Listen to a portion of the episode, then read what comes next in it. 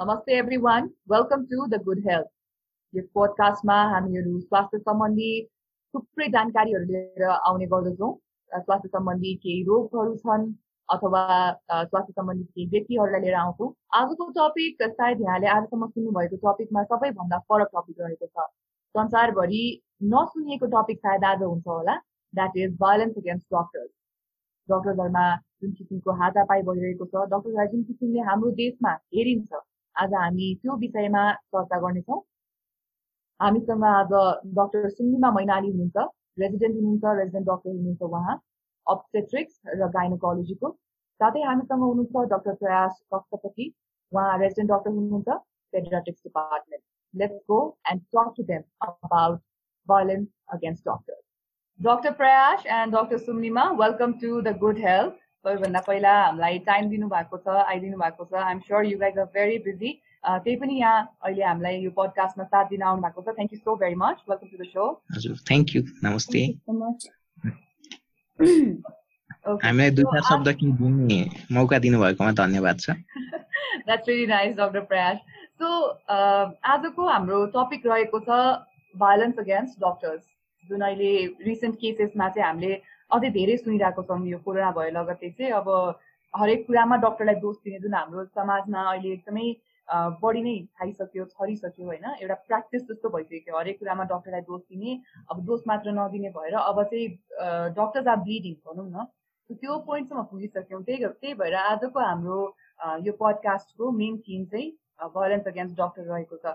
Before we proceed with other topics म चाहिँ अहिले रिसेन्टली भएको घटनाहरूको चाहिँ सानो ब्रेकडाउन जस्तो चाहन्छु so we will start with doctor Sumnima recently भएको घटनाहरूलाई अलिकति ब्रेकडाउन गरेर चाहिँ हाम्रो दर्शकहरूलाई सुनाइदिनुहुन्छ कि यहाँले about what why we why violence against doc against doctor is actually a talked of issue in social media or in in platform in many platforms um, first of all, the thank you. है Thank you for inviting me. मैले तपाईँहरूको मार्फत अब जहाँ मैले आफ्नो आवाज पुर्याउन खोजेको हो त्यहाँ चाहिँ मेरो आवाज पुगोस् भन्न चाहन्छु है। तपाईँले अहिलेको घटनाको कुरा गर्दाखेरि चाहिँ दिस इज कहिले भन्दाखेरि जेठ चौध गतेको घटना हो यो नेपाल मेडिकल कलेजको जोरपाटीको आकस्मिक कक्ष इमर्जेन्सी डिपार्टमेन्टमा भएको चाहिँ घटना हो यो। बिहान अबाउट सिक्स थर्टीदेखिको सिक्स फोर्टीमा चाहिँ हाम्रो एकजना पेसेन्ट सिक्सटी फिफ्टी फोर इयर्सको फिमेल पेसेन्ट आउनु भएको थियो। उहाँ चाहिँ नोन केस अफ सिओपिडी भन्छौँ विथ हाइपर टेन्सन त्यो भनेको दम र प्रेसरको बिरामी। पहिलादेखि नै प्रेसर र दमको बिरामी त्यसको लागि औषधि पनि लिइरहेको बिरामी। उहाँ चाहिँ हाम्रोमा आउनुभयो। आउँदाखेरि बिरामीलाई चाहिँ एक दिन दुई दिन अगाडिदेखि नै एकदमै गाह्रो भएर आउनुभएको। एक दिन त्योभन्दा एक दिन अगाडिको राति चाहिँ बिरामी रातभरि नै छटपटाएर सुत्नु नै भएन भनेर भन्नुभएको थियो हामीलाई चाहिँ। है उहाँ आउँदाखेरि चाहिँ त्यसरी आउनुभयो आउने बित्तिकै इमर्जेन्सीमा आउने बित्तिकै इमर्जेन्सीको अन ड्युटी डक्टरले बिरामीलाई सबैभन्दा फर्स्टमा त हामीले भाइटल्स हेर्नु पर्यो। भाइटल्स हेर्दाखेरि उहाँको blood pressure one hundred seventy by hundred and ten त्यो मैले भन्नै पर्दैन कति बढी हो भनेर। होइन? अनि पल्स रेट भनेको मुटुको चाल हेर्दा नाडी छाम्दाखेरि चाहिँ उहाँको पल्स रेट एक सय आठ भनेको hundred and eight beats per minute थियो। त्यो भनेको हामीले चाहिँ त्यो चाल भनेको बढी नै हो। टेकी टेकिकार्डिया भन्छौँ हामी। है त्यसपछि सासको श्वास प्रश्वासको चाल पनि उहाँको फोर्टी एट फिफ्टी थियो। त्यो भनेको पनि बढी नै सेचुरेसन भन्छ हामीले। सेचुरेसन अफ अक्सिजन भनेको रगतमा अक्सिजनको मात्रा कति थियो भनेर हेर्दाखेरि it was seventy five percent त्यो भनेको नर्मली पनि मिनिमम नाइन्टी पर्सेन्ट हुनुपर्छ एउटा नर्मल मान्छेको लागि है त्योभन्दा कम भयो भने चाहिँ सास फेर्न गाह्रो हुने होइन? थरी थरीको कम्प्लिकेसनहरू चाहिँ आफ्नो जिउमा आफ्नो ब्लडमा नै आफै आउँछ। त्यो हामीले भन्नु नै पर्दैन है? त्यसपछि छाती जाँच गर्दाखेरि उहाँको छातीमा अलिकता घ्यारघ्यारहरू पनि सुनियो। दमको बिरामी भएको हुनाले त्यो घ्यारघ्यारहरू पनि सुनियो। त्यो भइसकेपछि हाम्रो अनड्युटी डक्टरले आफूले गर्ने जति ट्रिटमेन्ट एज पर हाम्रो इमर्जेन्सी प्रोटोकल त्यसपछि कन्सर्न डिपार्टमेन्ट जस्तो कि मेडिसिनलाई उहाँले बोलाउनु भयो आफ्नो सिनियरलाई उहाँले बोलाउनु भयो त्यो गरेर सबै ट्रिटमेन्टहरू गर्दा गर्दै पनि हामीले सकेको जति बिरामीलाई बचाउन सबै गर्दा गर्दै पनि हामीले बिरामीलाई बचाउन सकेनौँ। त्यसपछि अब हाम्रो त्यो बिरामीलाई बचाउने कुरामा पनि हामीले अब बिरामीको भिजिटरलाई काउन्सिलिङ त गर्नु पर्यो। यस्तो यस्तो बिरामीको अवस्था। उहाँलाई बारम्बार काउन्सिलिङ चाहिँ भइ नै रहेको थियो। बिरामीको अवस्था नाजुक छ। बिरामीलाई जुन बेला पनि जे पनि हुनसक्छ भन्दाखेरि ठिकै छ। जति सक्दो गर्नुहोस्। सकेसम्म बिरामीलाई बचाउनुहोस् भनेर उहाँले भनिराख्नु भएको थियो। उहाँले त्यति भन्दा भन्दै पनि अनि बिरामी कोल्याप्स हुनु भएपछि छाती थिच्नेदेखि लिएर डिसी सकसम्म हामीले गरेको। त्यो गर्दा गर्दै पनि हामीले बिरामीलाई बचाउन सकेनौँ बिरामीलाई बचाउन नसकेपछि बिरामीको भिस्टालाई काउन्सिलिङ गर्न जाँदाखेरि चाहिँ हामीले एज पर डब्लुएचओ प्रोटोकल अहिले चाहिँ कस्तो छ भन्दाखेरि पहिला जस्तो छैन। अहिले चाहिँ हामीले कोभिडको हिस्ट्री एकदमै स्ट्रिक्टली लिनुपर्छ। नभए भने त्यो पनि हाम्रो मेडिकल माल प्र्याक्टिस हुन्छ कि? सो कोभिडको हिस्ट्री लिँदाखेरि चाहिँ एज पर डब्लुएचओ अथवा हाम्रो मिनिस्ट्री अफ हेल्थकै प्रोटोकल अनुसारले भन्दाखेरि उहाँको भिजिटरले चाहिँ के भन्नुभयो भन्दाखेरि ए तिमीहरूलाई बिरामी जाँच्न आउँदैन। अहिले चाहिँ नि कोभिडको हिस्ट्री भनेर तिमीहरू पन्चिन खोज्छौ भनेर उहाँसँग हातपात भयो। होइन हातपात भइसकेपछि त्यही पनि हाम्रो डक्टर जुन हाम्रो अन ड्युटी डक्टर हुनुहुन्थ्यो उहाँले बिरामीलाई अब के गर्न सकिन्छ भनेर उहाँहरू गर्दै नै हुनुहुन्थ्यो। गर्दा गर्दै उहाँहरू फेरि अब पेसेन्ट एक्सपायर भइसकेपछि फेरि रिकाउन्सिलिङ हुन्छ। रिकाउन्सिलिङ गर्ने बेलामा सिनियरहरू नै गएर काउन्सिलिङ गर्दाखेरि चाहिँ उहाँले चाहिँ हुल उजत गरेर मान्छेहरू लिएर आउनु भएको थियो। होइन त्यतिखेर पनि अब उहाँलाई डक्टरलाई मुख छाड्ने गाली गलोज गर्ने अथवा बाहिर निस्केछ तेरो फोटो छ मसँग तँलाई म बाहिर हेर्छु भन्ने जस्तो कुराहरू पनि गर्नुभएको थियो कि? भनेपछि रिसेन्टली एनएमसीमा भएको इस्यु यो चाहिँ related to a new protocol जुन चाहिँ एउटा नयाँ प्रोटोकल आएको छ कोरोना अथवा कोभिड नाइन्टिनको कारणले डब्लुएचओले नयाँ प्रोटोकल निकालेको छ regarding the history of COVID nineteen for any patient who enter enters the hospital so त्यो कारणले चाहिँ हातपातसम्म पुग्यो। त्यो कुराले चाहिँ धम्कीसम्म आयो भन्ने कुरा गर्नुभएको यहाँले। हजुर किनभने अब हाम्रोमा कस्तो छ भन्दाखेरि सर्नेस अफ ब्रेथ भने सास फेर्न गाह्रो भएको होइन? अथवा फोक्सो सम्बन्धी कुनै पनि रोग लाएर हाम्रोमा आयो भने हामीले कोरोनाको हिस्ट्री लिनै पर्ने हुन्छ। त्यो गरेन भने बरु हामीले लगेर जेल हालिदिन पाइन्छ अहिलेको प्रोटोकल अनुसारले होइन? त्यो त हामीले गर्नु नै पर्यो। गर्नु नै पर्ने भइसकेपछि त्यही गर्दाखेरि चाहिँ उहाँलाई तँलाई ट्रिटमेन्ट गर्न आउँदैन तँलाई औषधि दिन आउँदैन उपचार गर्न आउँदैन कोरोना कोरोनाको नाम लिएर पन्छी नै भनेर भनेछ कि? भिजिटरहरूले चाहिँ हाम्रो डक्टरलाई ओके भनेपछि धम्की सम्की धम्कीसम्म पनि पुग्यो कुरा भने चाहिँ हामी यहाँबाट थाहा पायौँ। थुप्रै हामीले मात्रै पनि होइन उहाँले पहिला सुरुमा चाहिँ मुक्का हान्नुभयो त्यसपछि चाहिँ उहाँले लाताले नै दुईचोटि हान्नु भएको छ भन्ने कुरा चाहिँ हाम्रो अन डक्टरले हामीलाई भन्नुभयो। त्यति भइसकेपछि सबै हाम्रो कलेजको जति मेडिकल अफिसर्स इन्टर्न अनि जुन रेजिडेन्ट डक्टरहरू हामीहरू पुग्यौँ इमर्जेन्सीमा पुग्दाखेरि उहाँहरू त्यही हुनुहुन्थ्यो उहाँहरू एकदमै अग्रेसिभ एकदमै अग्रेसिभ हुनुहुन्थ्यो। डक्टरको भिड लिएर आउने हाम्रो मान्छे छैन जस्तो कुराहरू गर्नुभयो। अब हामीले यो कुराहरू यसरी झगडा गरेर सेटल हुने कुरा होइन। हामी चाहिँ अनि एडमिनिस्ट्रेसनमा गएर कुरा गर्न गयो। एडमिनिस्ट्रेसनमा हामी सबै थियौँ त्यहाँनिर हाम्रो अन ड्युटी डक्टर सहित रेजिडेन्ट मेडिकल अफिसर इन्टर्न हामी सबैजना एडमिनिस्ट्रेसनमा गएर कुरा गर्दाखेरि चाहिँ ठिकै छ अब डक्टर भइसकेपछि अब अलिअलि कुटाइ खानै पर्छ जस्तो कुरा पनि भयो। हामीलाई अलिकता पनि सपोर्ट आएन। अब बिरामीको मान्छेले के भन्न थाल्नुभयो भन्दाखेरि अह हामीले कुटेकै छैनौँ हामीले डक्टरलाई किन कुट्ने? हामीले कुटेकै छैनौँ भन्ने कुरा भयो। कुटेकै छैन भन्ने कुरा गर्दाखेरि हामीले त्यसपछि सिसिटिभी कुरा गयो सिसिटिभी हाम्रो इमर्जेन्सीको बाहिरको सिसिटिभी फुटेजमा केही त होला कुटिसकेपछि भनेर ठिकै छ नि त हामीले सिसिटिभी फुटेज दिनु भनेर भन्यो। सिसिटिभी फुटेज दिउँ भन्दाखेरि चाहिँ उहाँहरूले के भन्नु भने आज सिसिटिभी फुटेजको जुन अपरेटर हुनुहुन्छ उहाँ चाहिँ भिडामा हुनुहुन्छ। भोलि बिहान नौ बजे हामी तपाईँलाई सिसिटिभी फुटेज उपलब्ध गराइदिन्छौँ भनेर भन्नुभयो उहाँले।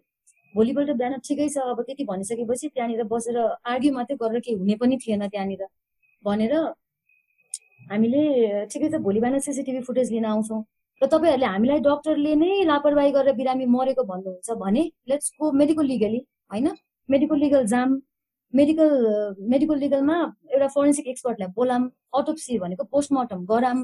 त्यसपछि त प्रुभ भइहाल्छ नि। डक्टरको गल्तीले बिरामी मरेको रहेछ भने जुन चाहिँ डक्टरको गल्तीले बिरामी भएको एक्सपायर भएको उहाँलाई पनि कारवाही गरौँ। त्यसरी जाम भन्दाखेरि उहाँहरूले अह हामी पोस्टमार्टम गर्दै गर्दैनौँ भन्नुभयो। पोस्टमार्टम गर्दैनौँ भन्न उहाँहरूले डेड बडी लिएर जानुभयो। जबकि हामीले एकदमै रिपिटेडली भनिरहेछौँ पोस्टमार्टम गरौँ। अहिले बडी ह्यान्डओभर नगरौँ पोस्टमार्टम गरौँ भन्दाखेरि पनि उहाँहरूले मान्नु नै भएन। हजुर। त्यसपछि भोलिपल्ट बिहान हामी सिसिटिभी फुटेज लिन भन्दा गयो एडमिनिस्ट्रेसनमा जाँदाखेरि चाहिँ ट्याक्क एट थर्टी टु नाइन थर्टीको क्लिप चाहिँ डिलिटेड छ कि? ओके है? त्यहाँनिर एडिटेड भनेर लेखेको छ।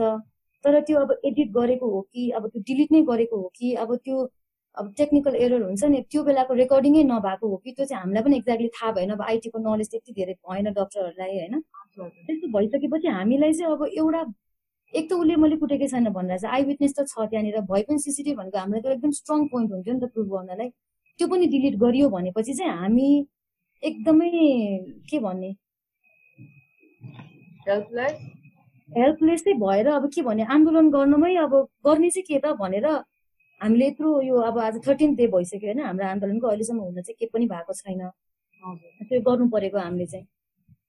ओके। सो गरेको भनौँ न। हजुर। यहाँले स्टोरी सुनाउँदैखेरि पनि I can see that you actually get very emotional by talking about this एकदमै भावुक हुनुहुँदो रहेछ यो कुरा गर्दाखेरि र यो कुराको इन्टेन्सिटी चाहिँ म अहिले बुझिरहेको छु।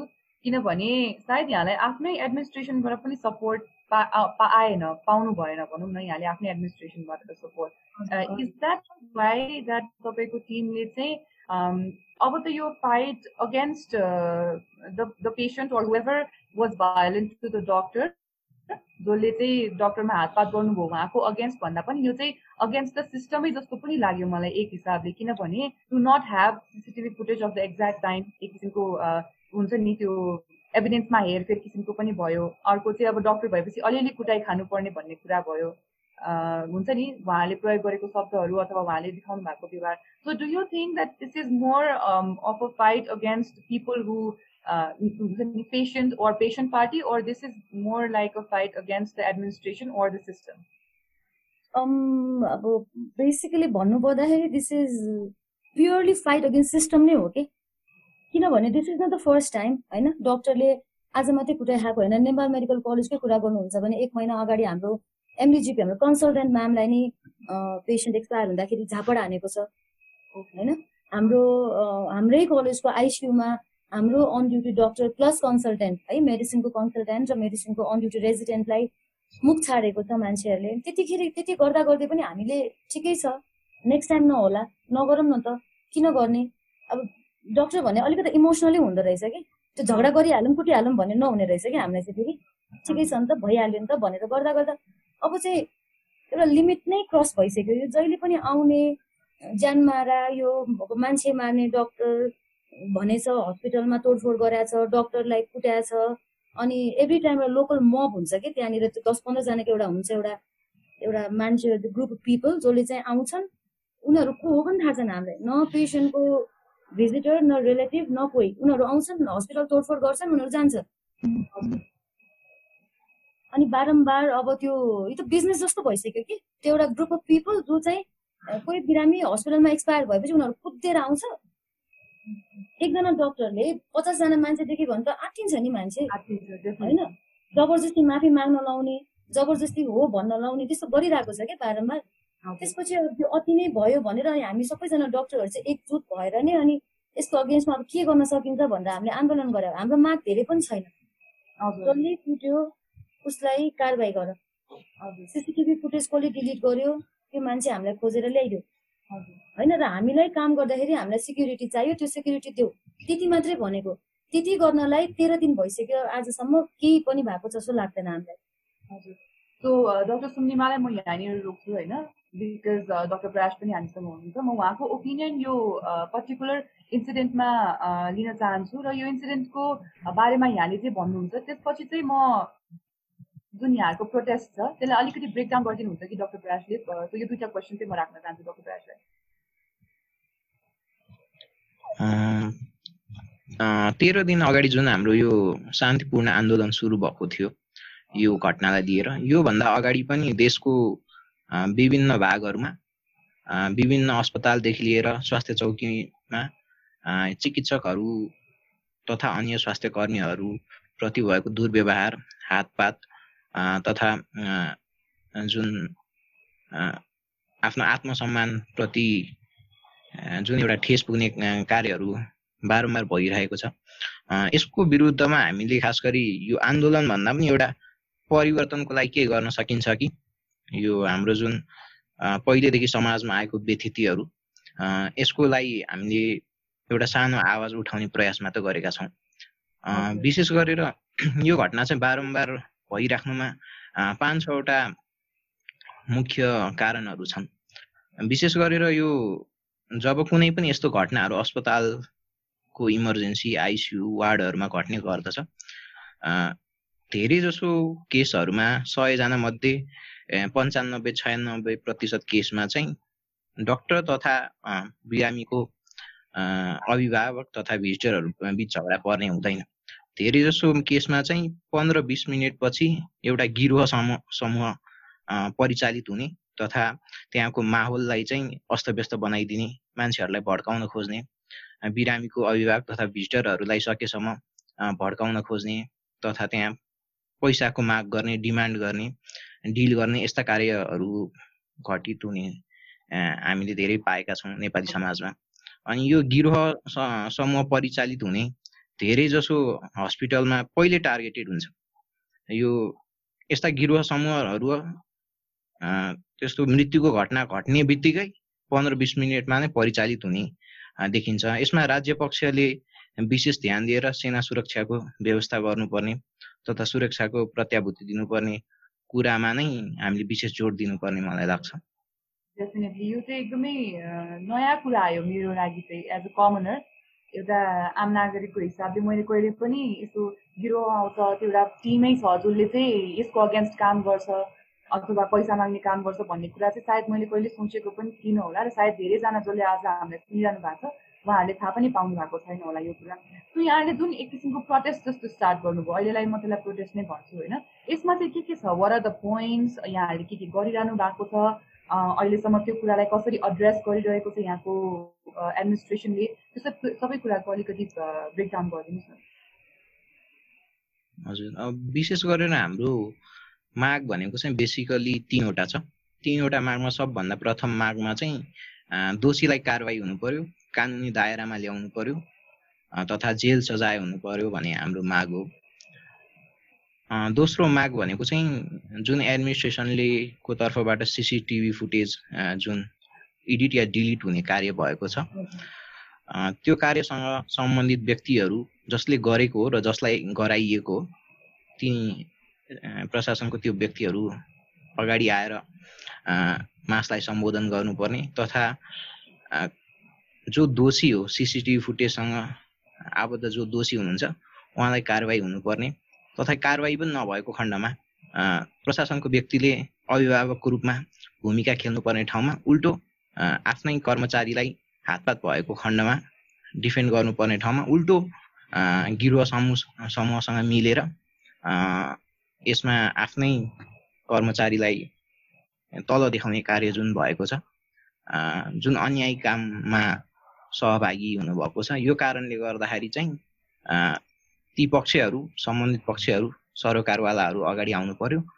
तथा यदि सरोकारवाला अगाडि आउन सकेन भने त्यहाँ सम्बन्धित सबै व्यक्तिहरूले राजीनामा दिनुपर्ने हाम्रो माग विशेष गरेर राजीनामा दिनुपर्ने हाम्रो माग माग नरहेको तर सम्बन्धित पक्षका व्यक्तिहरू जुन प्रशासनमा हुनुहुन्छ उहाँहरूले यो दोषीलाई कारवाही गर्ने कुरामा जुन सिसिटिभी फुटेज एकदम इम्पोर्टेन्ट एउटा सुरागको रूपमा रहेको छ त्यसलाई नै लुकाउने कार्य गरेको खण्डमा चाहिँ अगाडि आउन नै पर्ने हाम्रो विशेष माग छ।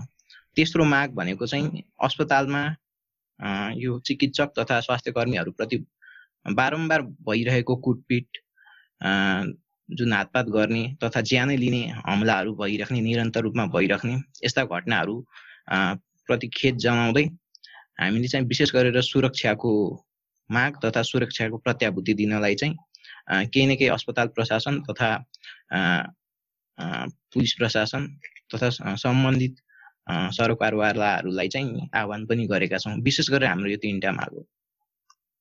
ओके।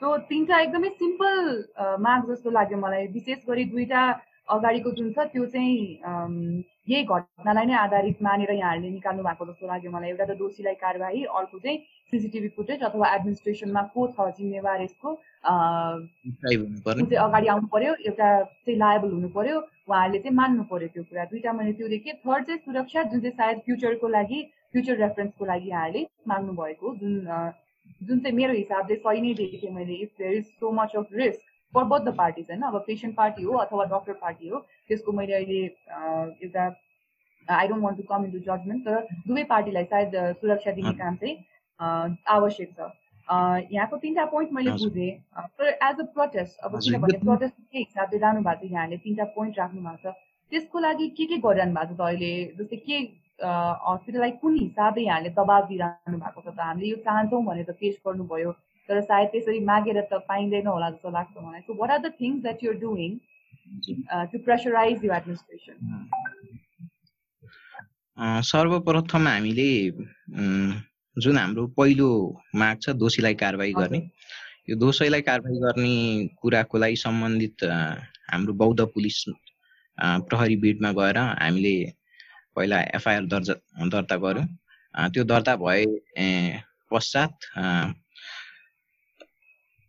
डक्टरमाथि हातपात गर्ने बिरामीको आफ्नै ठुलो छोरा भएको कारणले गर्दाखेरि क्रियामा बस्नुपर्ने कारणले गर्दा तेह्र दिनसम्म कारवाही नहुने जुन हाम्रो सामाजिक तथा प्रशासनिक चलन आइपरेको छ त्यो कारणले गर्दा तेह्र दिनसम्म हामीले रोक्यौँ। हिजो तेह्र दिनको कार्यक्रम क्रियापुत्री बस्ने कार्यक्रम समाप्त भए पश्चात प्रहरी प्रशासनले चाहिँ हामीसँग एउटा अर्को निवेदन माग गरेर टिटानी दर्ता गर्नुपर्ने मागको हामीले चिठी बुझाएर आएका छौँ बौद्ध प्रशासनमा। र उहाँहरूले दोषीलाई कारवाही हुने हिरासतमा लिने तथा कानुन बमोजिम कारवाही गर्ने कुरामा चाहिँ प्रतिबद्धता चाहिँ जनाउनु भएको छ। तर अहिलेसम्म कार्यान्वयन चाहिँ भएको छैन। दोस्रो हामीले सिसिटिभी फुटेज रिट्राइभ गर्ने कुरालाई लिएर चाहिँ विशेष समिति गठन गरेर त्यहाँ बौद्ध पुलिसमा यो जानकारी गराए पश्चात बौद्ध पुलिसका पुलिस हेडक्वार्टर्सको फरेन्सिक ल्याबमा त्यो सिसिटिभी फुटेज पठाइएको छ। तर त्यहाँ आएको खबर अनुसार चाहिँ सिसिटिभी फुटेज रिट्राइभ नभएको जानकारी गराइएको छ। सिसिटिभी फुटेज रिट्राइभ नभएको कुरामा चाहिँ सिसिटिभी फुटेज एडिट भएको या डिलिट भएको तथा त्यहाँ डाक्टरमाथि हातपात भएको घटना सिसिटिभी फुटेजमा देखिएको नदेखिएको कुराको चाहिँ स्पष्ट जानकारी गराइएको छैन। त्यो कारणले गर्दा यो कुराको पनि स्पष्ट जानकारी गराउन हामी प्रहरी प्रशासनमा माग गर्दछौँ। तेस्रो सुरक्षाको व्यवस्थापनको लागि नेपाल सरकारबाट चारवटा प्रहरीहरू खटाइने आर्म्ड पुलिस अफिसर खटाइने जुन कुरा चलेको थियो जुन माग थियो त्यो चाहिँ अहिलेसम्म कार्यान्वयन नभएको अवस्थाको जानकारी गराउन चाहन्छु। बेसिकली यो तिनवटा कुरामा चाहिँ अहिलेसम्म हाम्रो केही पनि पुरा भएको छैन। सो यहाँहरूले त्यो हिसाबले ठाउँ ठाउँमा जाँदा जानुपर्ने हो। त्यहाँ त्यहाँ जानु नै भएछ सम्बन्धित निकायमै जानुभयो जस्तो लाग्यो मैले यसो हेर्दाखेरि। यहाँहरूले आफ्नो ड्युटी चाहिँ रेगुलरली गरिरहनु भएको छ कि त्यो ड्युटीमा पनि केही यहाँहरूले केही रोक्नु भएको छ in terms of pressure or अलिकति एडमिनिस्ट्रेसनलाई प्रेसराइज गर्नको लागि?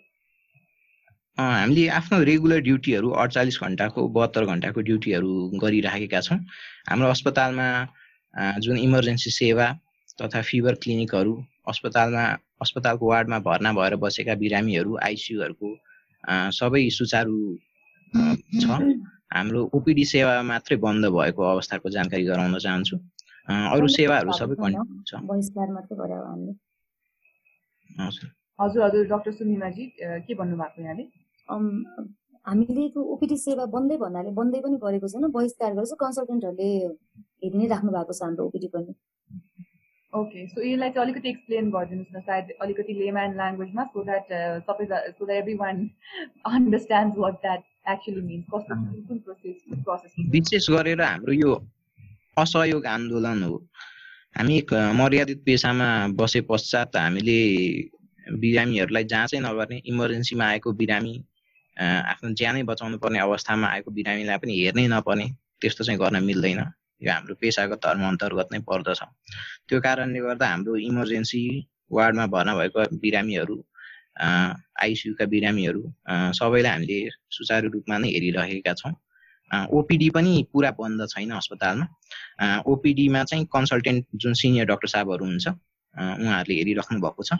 तर हाम्रो जुन रेजिडेन्ट डक्टरहरू मेडिकल अफिसर डक्टरहरू माथि जुन हातपात भएको छ त्यो कारणले गर्दाखेरि अस्पतालको प्रशासन यसमा जिम्मेवारी बोध अहिलेसम्म नभएको कारणले गर्दा यो हाम्रो हामीले चाहिँ ओपिडीमा नहेरेर अहिले असहयोग आन्दोलन मात्रै गरेका हौँ।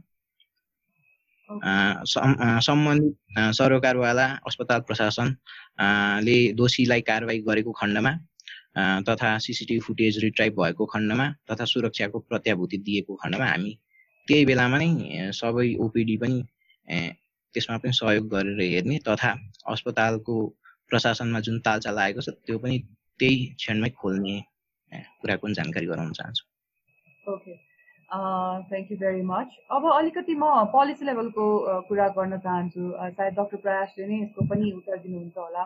एउटा म के जान्न चाहन्छु भन्दाखेरि तपाईँहरूले जब कुनै हस्पिटल जोइन गर्नुहुन्छ अथवा हामी पनि जब कुन जब पनि कुनै कार्यालय जान्छौँ एउटा स्टाफको रूपमा एउटा कर्मचारीको रूपमा त्यो बेला चाहिँ हामीलाई भनिन्छ तिनीहरूलाई यो यो यो हाम्रो फेसिलि फेसिलिटिजहरू छ होइन? हामीले त्यो स्किल बेच्ने हो यहाँले पनि आफ्नो एउटा सिट बेचिरहनु भएको छ यत्रो वर्ष पढ्नु भएको हुन्छ त्यसलाई नै बेच्नु भएको हुन्छ यहाँहरूले होइन? त्यो एक्सचेन्जमा चाहिँ एउटा अर्गनाइजेसनले जहिले पनि केही न केही पोलिसिजहरू ल्याएको हुन्छ जुन चाहिँ फेसिलिटिज हुन्छ यहाँहरूको लागि हुन्छ। In terms of security in terms of security चाहिँ हस्पिटलहरूले नेपालको अस्पतालहरूले यहाँको मात्रै अस्पताललाई मैले राखिनँ होइन? नेपालभरिको अस्पतालहरूले के किसिमको सिक्योरिटीको हिसाबले के किसिमको पोलिसिजहरू राखेको हुन्छ के किसिमको फेसिलिटिजहरू राखेको हुन्छ यहाँहरूको लागि डक्टरहरूको लागि मात्र भनेर? अहिलेसम्म सिक्युरिटीको हिसाबबाट चाहिँ अस्पतालको प्रशासनले धेरै जसो जुन पनि अस्पतालमा चाहिँ आर्म पुलिस अफिसरको चाहिँ कहीँ पनि व्यवस्था छैन होइन? अस्पतालमा गार्डहरूको व्यवस्था गरिएको छ। तथा केही यस्तै अस्तव्यस्त सिचुएसन आएको खण्डमा चाहिँ सम्बन्धित प्रहरीलाई खबर गरे बापत मात्रै उहाँहरू आउनुहुने त्यस्तो प्रचलन छ। अनि विशेष गरेर चाहिँ गार्डहरू तथा गार्डहरू मात्रै भएको खण्डमा चाहिँ यस्तो घटनाहरू घट्दाखेरि चाहिँ उहाँहरू मुखदर्शी भएरै बस्ने अवस्था चलिआएको छ। त्यो कारणले गर्दाखेरि चाहिँ यो सिक्युरिटीको व्यवस्थामा चाहिँ हामीले विशेष गरेर नेपाल सरकारद्वारा चाहिँ सशस्त्र प्रहरीको दरबन्दी खोलेर तथा सुरक्षाको व्यवस्था गर्न जरुरी देख्दछु। सिक्युरिटीको कुरामा चाहिँ यो पुलिस प्रशासन अस्पतालको प्रशासनहरू नै मिलेर नै व्यवस्था गर्नुपर्ने तथा यस्तो घटना घटेको खण्डमा एउटा ऱ्यापिड रेस्पोन्स टिम परिचालित गर्ने जसले यो घटनाको बारेमा विस्तृत जानकारी पाँच दस मिनटभित्रै बुझेर त्यो अवस्थालाई चाहिँ एउटा शान्तपूर्ण कसरी बनाउन सकिन्छ भन्ने कुरामा तत्पर भएर लाग्नुपर्ने एउटा ऱ्यापिड रेस्पोन्स टिम चाहिँ सुचारु गर्नुपर्ने यो पनि कमी देख्दछु। विशेष गरेर यो दुईवटा ऱ्यापिड रेस्पोन्स टिम लागू भएको खण्डमा तथा नेपाल सरकारद्वारा सशस्त्र प्रहरीको दरबन्दी खोलेर सुरक्षाको प्रत्याभूति दिन सकेको खण्डमा चाहिँ यो सिक्युरिटीको समस्या चाहिँ सल्भ हुन सक्ने म देख्दछु। डक्टर सुनिमा यहाँको टेक के छ? यो सेक्युरिटी पोलिसिजहरू के एज अ स्टाफ तपाईँहरूले बिफोर ह्यान्ड पाउनुपर्ने पाउनुपर्ने थियो कि कि? अहिले मात्रै त्यो कुराहरू यहाँको मनमा अथवा यहाँको अरू को वर्कर्सहरूको कलिग्सहरूको मनमा आएको हो कि एज अ डक्टर सेक्युरिटीको कुरा भन्नुपर्दा यसो इन जेनरल हेर्दाखेरि होइन नेपालमा अब यसो बाहिर गएर हेर्दाखेरि डिपार्टमेन्ट स्टोर पबमा चाहिँ हस्पिटलभन्दा बढी सेक्युरिटी देखिन्छ क्या हामीले चाहिँ। हस्पिटलमा पुलिस खोइ भन्नु खोज्नुपर्छ होइन? अब बरु बाहिरतिर अलिकता बढी सेक्युरिटी हुन्छ जस्तो लाग्छ। जहाँनिर चाहिने त्यहाँ चाहिँ छैन। त्यो त हामीले डे वानदेखि नै भनेको हुन्छौँ होइन? किनभने यस्तो हातपात हुने घटना नेपालमा मात्रै होइन संसारभरि देखिरहेको हामीले पढ्दा पढ्दै पनि यो हामीले भोगेकै कुराहरू हो कि? सो अहिले मात्रै होइन हामीले त डे वानदेखिको नै यो सेक्युरिटीको कुरा चाहिँ हामीले गरेकै हो। तर छैन केही पनि छैन हामीलाई। डक्टर प्रयासले भने जस्तै केही भयो भने पनि त्यहाँनिर भएको गाड्डाहरू मुखदर्शी भएर हेरिराख्नुहुन्छ केही पनि गर्नुहुन्न होइन? हामीले मान्नुपर्ने कुरा पनि होइन जस्तो लाग्छ क्या यो त एउटा यतिकै पनि यो त प्रोभाइड गर्नुपर्ने कुरा हो जस्तो लाग्छ। मागिराख्नुपर्ने कुरा नै होइन नि। सो अब फेरि पोलिसिसकै कुरा गर्छु म यो इन टर्म्स अफ सेक्युरिटी पोलिसिसको कुरा गर्छु डक्टरहरूको लागि डक्टरहरूलाई दिने फेसिलिटिजको मामलामा होइन। बिकज हस्पिटल पोलिसिज जब बन्छ हस्पिटल पोलिसिज चाहिँ सायद हाम्रो गभर्मेन्ट लेभलबाटै आएको एउटा प्रोटोकल हुन्छ जस अन्तर्गत चाहिँ त्यो पोलिसिजहरू बन्छ। सो यहाँहरूले अलिकति गभर्मेन्ट लेभलमा चाहिँ यहाँको लागि के छ facilities in terms of security भन्ने कुरामा अलिकति अझै यहाँहरूले घोषणात गर्नुभएको छ कि छैन। द्याट इफ यो hospital is actually providing you whatever the system demand यो अस्पतालको सिक्युरिटीको खण्डमा नेपाल सरकारद्वारा चाहिँ यस्तो अस्तव्यस्त सिचुएसन क्रिएट भएको खण्डमा चाहिँ सशस्त्र प्रहरीहरू खटाइएर केही घन्टा केही समयको लागि मात्रै सिचुएसन कन्ट्रोलमा ल्याउने कार्य भइरहेको छ। तर दरबन्दीकै रूपमा त्यहाँ चौबिसै घन्टा परिचालित हुने गरी चाहिँ यस्तो व्यवस्था चाहिँ छैन। अहिलेसम्म लागू भएको छैन।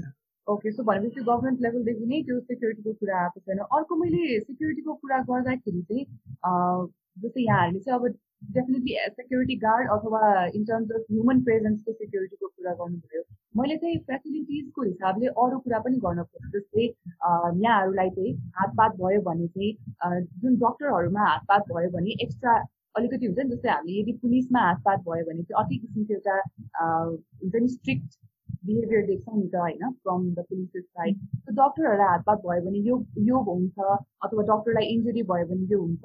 त्यो हिसाबको कुनै यहाँहरूलाई फेसिलिटिज छ कि छैन। हजुर यो विशेष गरेर अहिले यो कोभिड नाइन्टिनको जुन स्वास्थ्य ऐन आएको छ त्यसमा लिखित अनुसार चाहिँ गम्भीर उत्तेजना र रिसको आवेगमा कुटपिट गरी कुनै पनि डक्टरलाई मानहानि गरेको खण्डमा रु बिस हजारदेखि दुई वर्षसम्म जेल सजायको प्रावधान चाहिँ छ। किनकि जसै जसरी एउटा ड्युटीमा खटिएको एउटा पुलिस इन्सपेक्टरलाई कसैले हातपात गरेको खण्डमा सजाय हुन्छ। त्यसै गर्दै एउटा वर्दी लगाएको एउटा व्हाइट कोट लगाएको डक्टरमाथि हातपात गरेको खण्डमा पनि यो यस्तो प्रचलन छ। त्योभन्दा अगाडि चाहिँ यस्तो खासै यस्तो नन बेलेबल अफेन्सहरूको यो मागहरू हामीले पहिला पनि उठाएका थियौँ। तर यिनीहरू कार्यान्वयन चाहिँ भएको छैन भनेपछि कोभिड नाइन्टिनको जुन यो वेभ आयो त्यसपछि चाहिँ यहाँहरूको लागि भनेर एउटा किसिमको रुल चाहिँ बनाइयो जसमा जस अन्तर्गत चाहिँ व्हाइट कोट लाउने कुनै डक्टरमाथि हामीले हातपात गऱ्यौँ भने चाहिँ आवेगमा आएर बिस हजार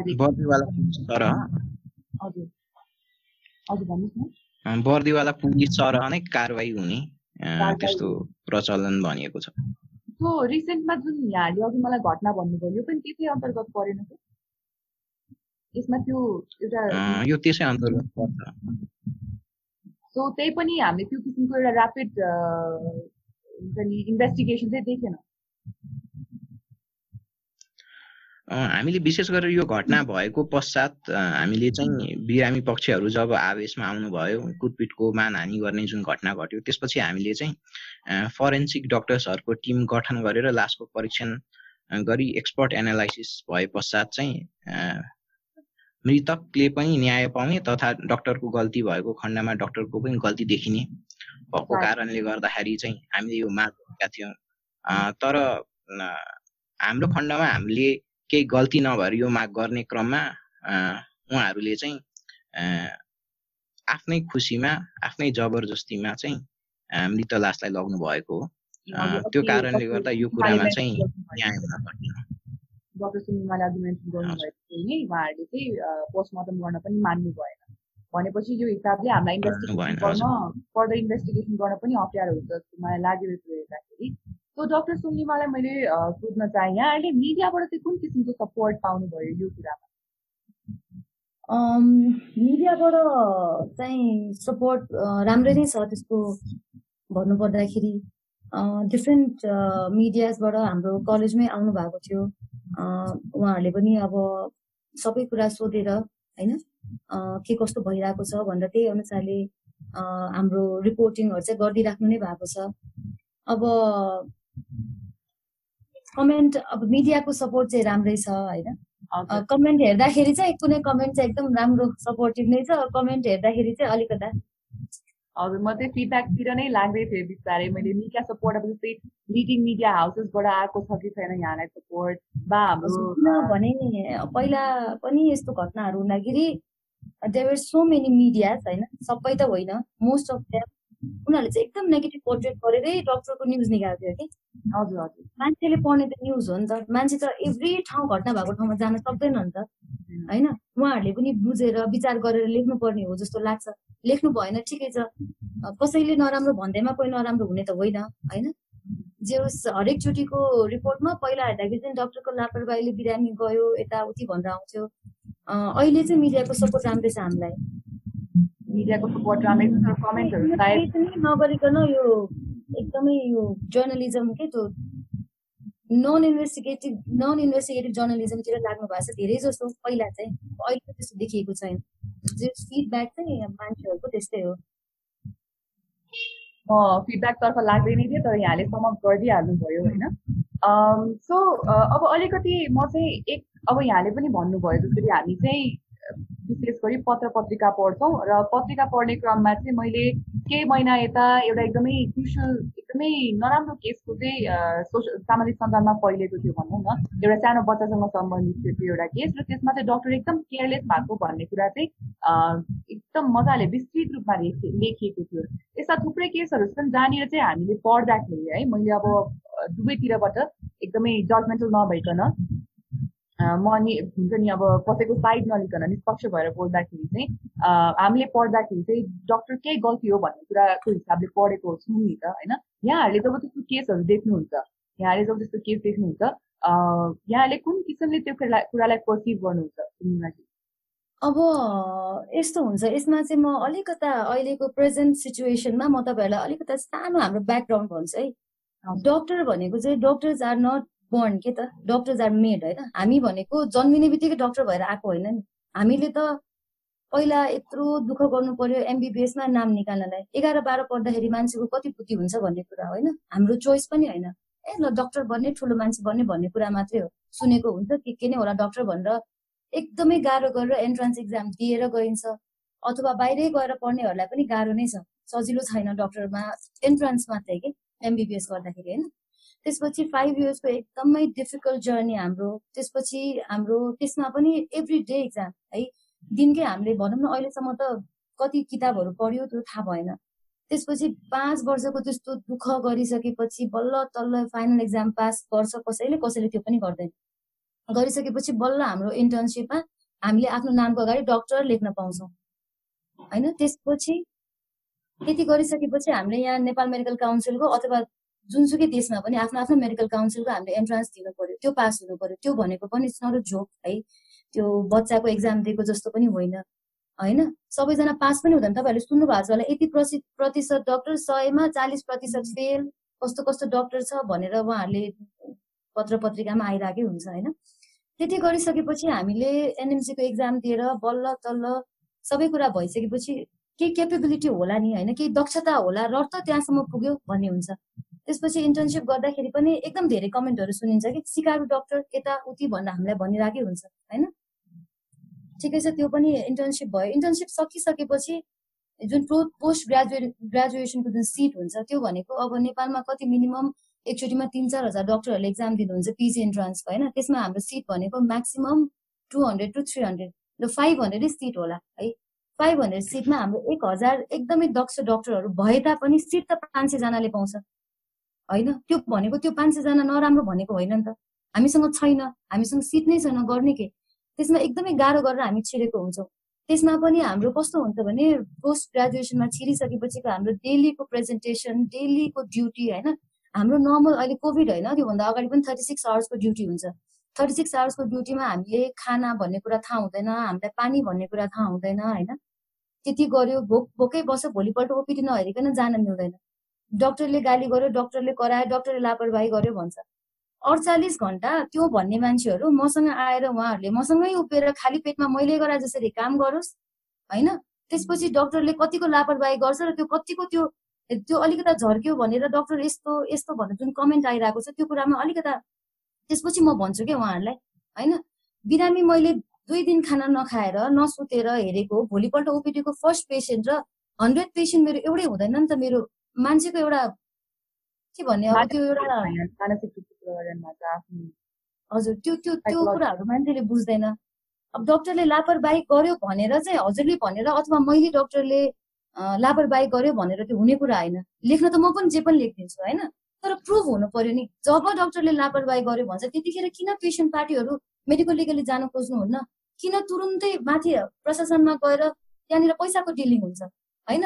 हस्पिटललाई आफ्नो इज्जत बचाउनु परेछ डक्टरलाई परेको छैन। हामी त भन्छौँ आउनुहोस् हाम्रो गल्ती हो भने प्रुफ गर्नुहोस्। हामीलाई पनि लगेर राख्नुहोस् कानुनको अगाडि होइन? उहाँहरूले गर्नुहुन्न। उहाँहरू तुरुन्तै केही हुने बित्तिकै डक्टरको लापरवाही गर्यो पन्ध्र बिसजना मान्छे ल्यायो तोडफोड गर्यो।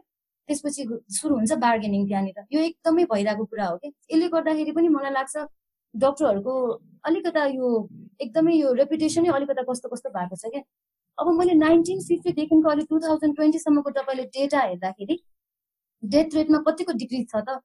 पहिलाको मान्छेहरूलाई हस्पिटल जानुपर्छ भन्ने एउटा के भने त्यो एउटा थिएन।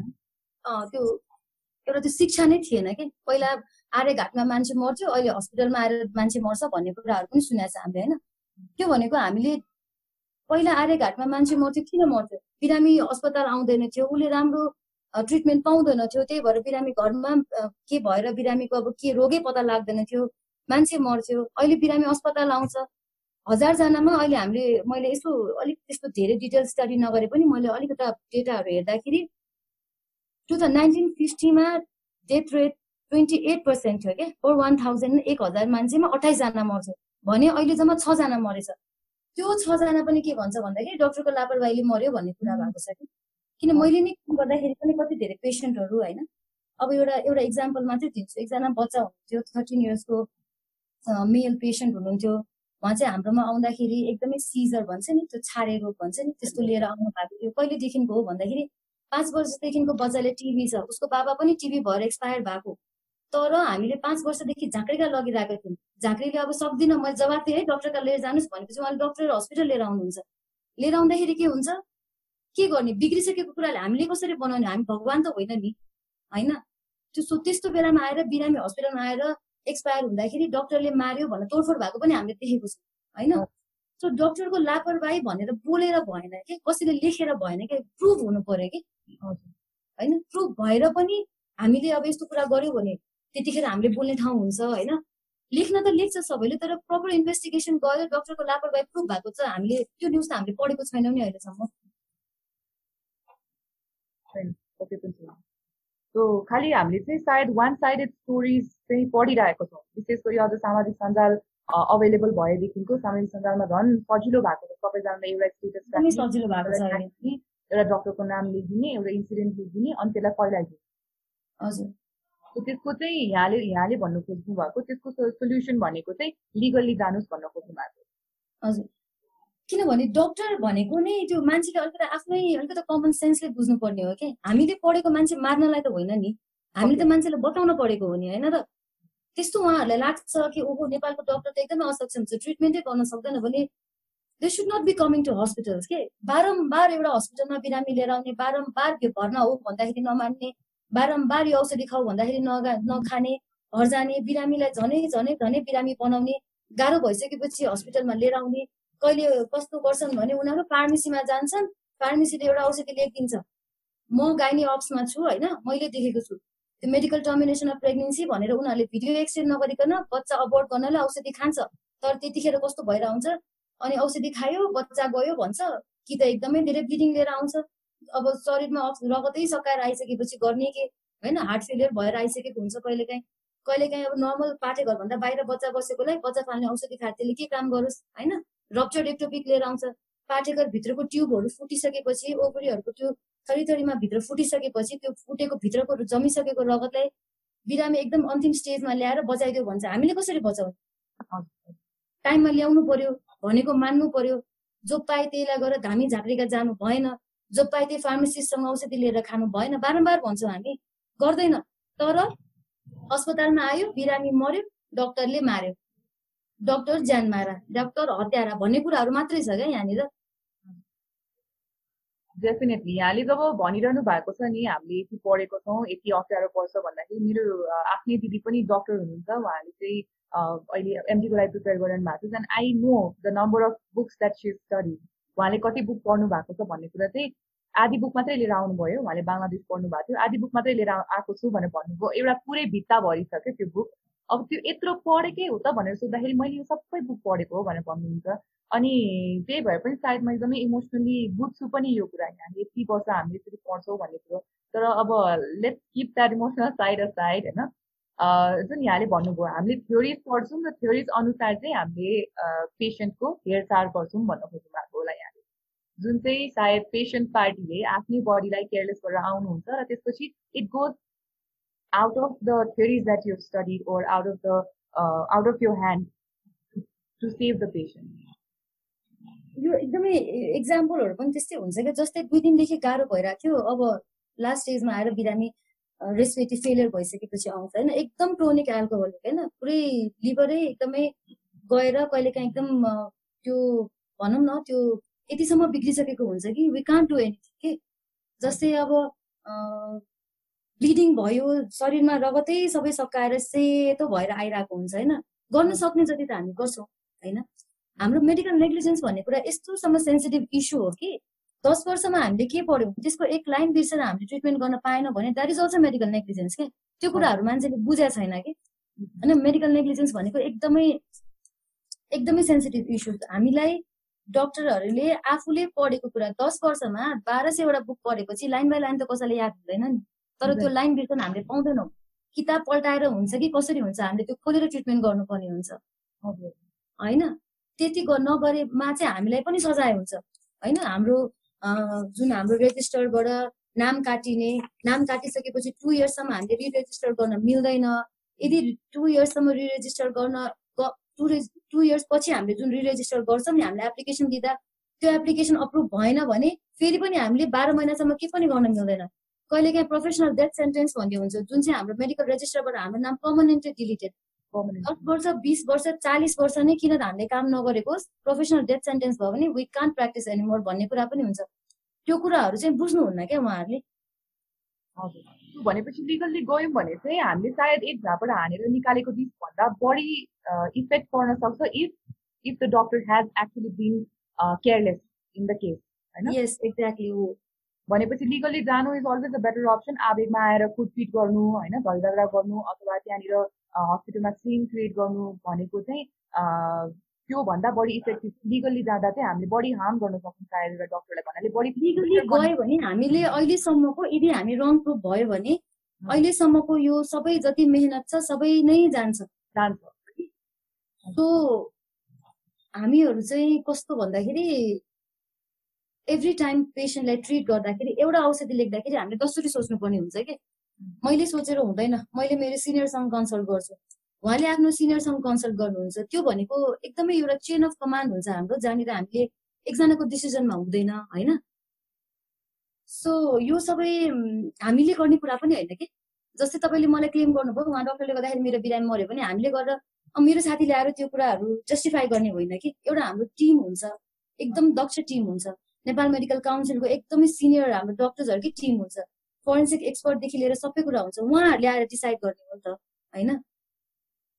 त्यो भनेको त्यो पेसेन्ट जो पेसेन्ट एक्सपायर भयो उहाँको पेसेन्ट पार्टीले अथवा उनीहरूले ल्याएको त्यो भुलले हामीलाई डिसाइड गर्ने होइन नि त। त्यो कुराहरू चाहिँ एकदमै बुझ्न जरुरी छ तर यो बुझाउन चाहिँ एकदमै गाह्रो जस्तो लाग्छ यो नेपालमा चाहिँ। हजुर। डु यु थिङ्क अब वाइल युर सेङ दिस जब यहाँले भनिरहनु भएको छ नि यस्तो हुन्छ त्यस्तो हुन्छ भनेर अहिले मलाई बुझाइरहनु भएको छ। यहाँहरूले सायद आफ्नो काउन्सिलिङको मोडालिटी चेन्ज गरेर पनि ट्राई गर्नुभएको छ कि यो कुरा किनभने नेपालमा सबैजना शिक्षित हुनुहुन्छ भन्ने छैन। सबैजनाले चाहिँ अस्पताल अथवा डक्टर यो हिसाबले हिँड्नुहुन्छ चल्नुहुन्छ उहाँहरूको चाहिँ यो किसिमको एउटा प्रोसिजर छ यो किसिमको चाहिँ उहाँहरूले स्टेप बाई स्टेप जानुहुन्छ भन्ने कुरा सायद उहाँहरूले नबुझ्नु भएको हो कि सायद तपाईँहरूले आफ्नो काउन्सिलिङको मोडालिटीलाई चेन्ज गर्नेतिर चाहिँ कहिले फोकस गर्नु भएको छ? यस्तो हुन्छ। अब काउन्सिलिङको मोडालिटी भन्दाखेरि हामीले हस्पिटलमा आउने हरेक पेसेन्टलाई सुरुमा जुन जुन बेला हामीसँग फर्स्ट इन्टरेक्सन विथ पेसेन्ट जतिखेर हाम्रो हुन्छ होइन त्यतिखेर हामीले पेसेन्टलाई हामीले एकदम क्लियरली भनेको हुन्छौँ कि होइन? तपाईँको बिरामीलाई यस्तो यस्तो यस्तो यस्तो भएको हो। हामी चाहिँ यो यो अनुसारले ट्रिटमेन्ट गर्छौँ होइन? तर हामीले सके जति गर्ने हो। है? गर्दा गर्दै पनि यदि हामीले गर्न सक्दैनौँ अथवा केही गरी बिरामीलाई तलमाथि पर्छ बिरामीको कहिले जाने जाने अवस्थामा पनि लिएर आएको हुन्छ होइन? तपाईँहरूले अब यो एउटा कन्सेन्ट हुन्छ हाम्रो हरेक हस्पिटलमा एउटा कन्सेन्ट हुन्छ है? कन्सेन्टमा बिरामीले साइन गर्दैन भने हामीले बिरामी छुन पाइयो हो? सो यसो गरौँ तपाईँहरू जिम्मा लिनुपर्ने पनि हुनसक्छ है? तपाईँहरूको किनभने म तपाईँसँग यहाँ बोलिरहेको छु अहिले मलाई के हुन्छ आई कान्ट ग्यारेन्टी नि होइन र? म यहाँ बोल्दा बोल्दै मऱ्यो भने मेरो जिम्मा कसले लिने? सो बिरामीले पनि त आफ्नो बिरामीको आफ्नो मान्छेको जिम्मा त लिनु पर्यो नि। हो त्यो कन्सेन्ट एउटा साइन गर भन्दाखेरि उहाँहरू गर्न मान्नुहुन्न। होइन अनि उहाँहरू के एक्सपेक्ट गर्नुहुन्छ भन्दाखेरि चाहिँ सबै जिम्मेवारी डक्टरले नै लियोस् केही बिरामीलाई होस् डक्टरले नै कुटाइ खाओस् होइन? डक्टरलाई नै कुटौँ त्यसपछि त्यही डक्टरलाई बेजत गरौँ त्यही जाउँ एडमिनिस्ट्रेसनमा फेरि बार्गेनिङ गरौँ। आजकल त एकदम फेसन भएको छ बार्गेनिङ गर्ने पैसाको। एभ्री टाइम त भइरहेकै छ होइन? सो काउन्सिलिङमा हामीले मलाई मैले मेरो अर्काकोलाई चाहिँ म भन्न सक्दिनँ होइन। मैले देखेको र मैले गरेकोमा चाहिँ आई डोन्ट थिङ्क होइन। हामीले काउन्सिलिङमा केही पनि कमी गरेर कुरा गर्छौँ जस्तो चाहिँ लाग्दैन कि? दे नो एभ्रिथिङ किन थाहा नहुनु? जो मान्छेले फेसबुकमा दसवटा कमेन्ट गर्न सक्छ त्यसलाई थाहा हुँदैन होला त यहाँको नियम कानुनहरू के कस्तो छ डक्टरको लागि भनेर। डेफिनेटली डेफिनेटली डक्टर सुनिमाले आफै भनिहाल्नुभयो यो मेरो पर्सनल ओपिनियन हो भनेर। म चाहिँ यता डक्टर प्रयासमा आउन चाहेँ यही कुरामा। डु यु थिङ्क किनभने धेरैजनालाई थाहा छैन द्याट पहिला अब सायद इन्टर्नली हेर्नुहुन्छ होला होइन? इन्टर्नबाट पास भएर उहाँले एउटा सेकेन्ड इयर रेजिडेन्ट गरिरहेको डक्टरलाई सोध्नुहुन्छ होला त्यसपछि अथवा फर्स्ट इयर गरिरहेको अथवा सेकेन्ड इयर गरेकोलाई सोध्नुहुन्छ त्यसपछि उहाँ चाहिँ आफ्नो सिनियरका जानुहुन्छ जसले चाहिँ फेरि फर्दर रिसर्च गर्नुहुन्छ। एउटा प्रोसेस छ जुन चाहिँ सायद हाम्रो पेसेन्टलाई थाहा नहुन पनि सक्छ होइन? यहाँले चाहिँ हेभ एभर थट द्याट सायद हामीले मोडालिटी अफ काउन्सिलिङ एउटा जुन इफेक्टिभ कम्युनिकेसन छ त्यसमा चाहिँ के चेन्जेस ल्याउन सक्छौँ कि भन्ने कुरामा चाहिँ यहाँहरूको मनमा कहिले आयो डक्टर विशेष गरेर यो जुन काउन्सिलिङ गर्ने कुरा छ यो काउन्सिलिङ गर्ने कुरामा चाहिँ जस्तै हामीले सपोज अमेरिका युकेमा प्ल्याब अमेरिकामा युएसएमएल एक्जाम दिँदाखेरि एउटा काउन्सिलिङसँग सम्बन्धी मात्रै विशेष गरेर छुट्टा परीक्षा हुन्छ। जहाँ चाहिँ हामीले सपोज कोही बिरामी आएको खण्डमा चाहिँ कसरी बिरामीलाई ट्रिट गर्ने? के चेन अफ कमान्ड्स फलो गर्ने? आफैले डिसिजन लिने कि सिनियरलाई बोलाउने कि किताब खोलेर हेर्ने कि त्यस्तो कन्डिसन आएको बेलामा एउटा चेन अफ कमान्ड्स हुन्छ जुन हामीले पालना गर्नुपर्ने हुन्छ। विशेष गरेर पाठ्य पुस्तकको जुन हाम्रो व्यवस्था छ अहिले यो चाहिँ हाम्रो पाठ्य पुस्तक एमबिबिएसमा कहिले पनि पढाइँदैन। एक त यो प्र्याक्टिकल कुरा हो जुन हामीले व्यवहारिक रूपमा आफूले भोग्दै गएपछि सिनियर डक्टरहरूबाट अनुभव लिँदै गएपछि आफ्नो कार्यकुशलता बढ्दै जाने क्रममा यो अनुभव गर्दै हामीले आफ्नो जुन नरमपना हुन्छ राम्रो वचन बोल्ने हुन्छ बिरामीको पक्षलाई रोगको बारेमा विस्तृत रूपमा जानकारी गराउने हुन्छ। तथा बिरामीको रोगको प्रोग्नोसिस कस्तो छ? राम्रो नभएको खण्डमा बिरामीको ज्यानै जान सक्ने अवस्था छ कि छैन? त्यो पहिले जानकारी गराउनु पर्ने अवस्था हुन्छ। सबैजना व्यक्तिको आफ्नो पर्सनल व्यवहार गर्ने तरिका हुन्छ। त्यसमा तलमाथि होला। कसै कसैको बोली नै सुनिँदाखेरि अलिकति रुखो होला। कसैको नरम होला। कोही मृद्धवासी हुनुहुन्छ होला। तर जुन काउन्सिलिङ गर्ने कुरा छ अनि जुन कन्सेन्ट लिनुपर्ने कुरा छ यो चाहिँ देशभरि नै एउटा नियम जस्तै छ क्या यो नियम विपरीत यो हाम्रो दायरामा रहेर नै हामीले काम गर्ने हुन्छौँ।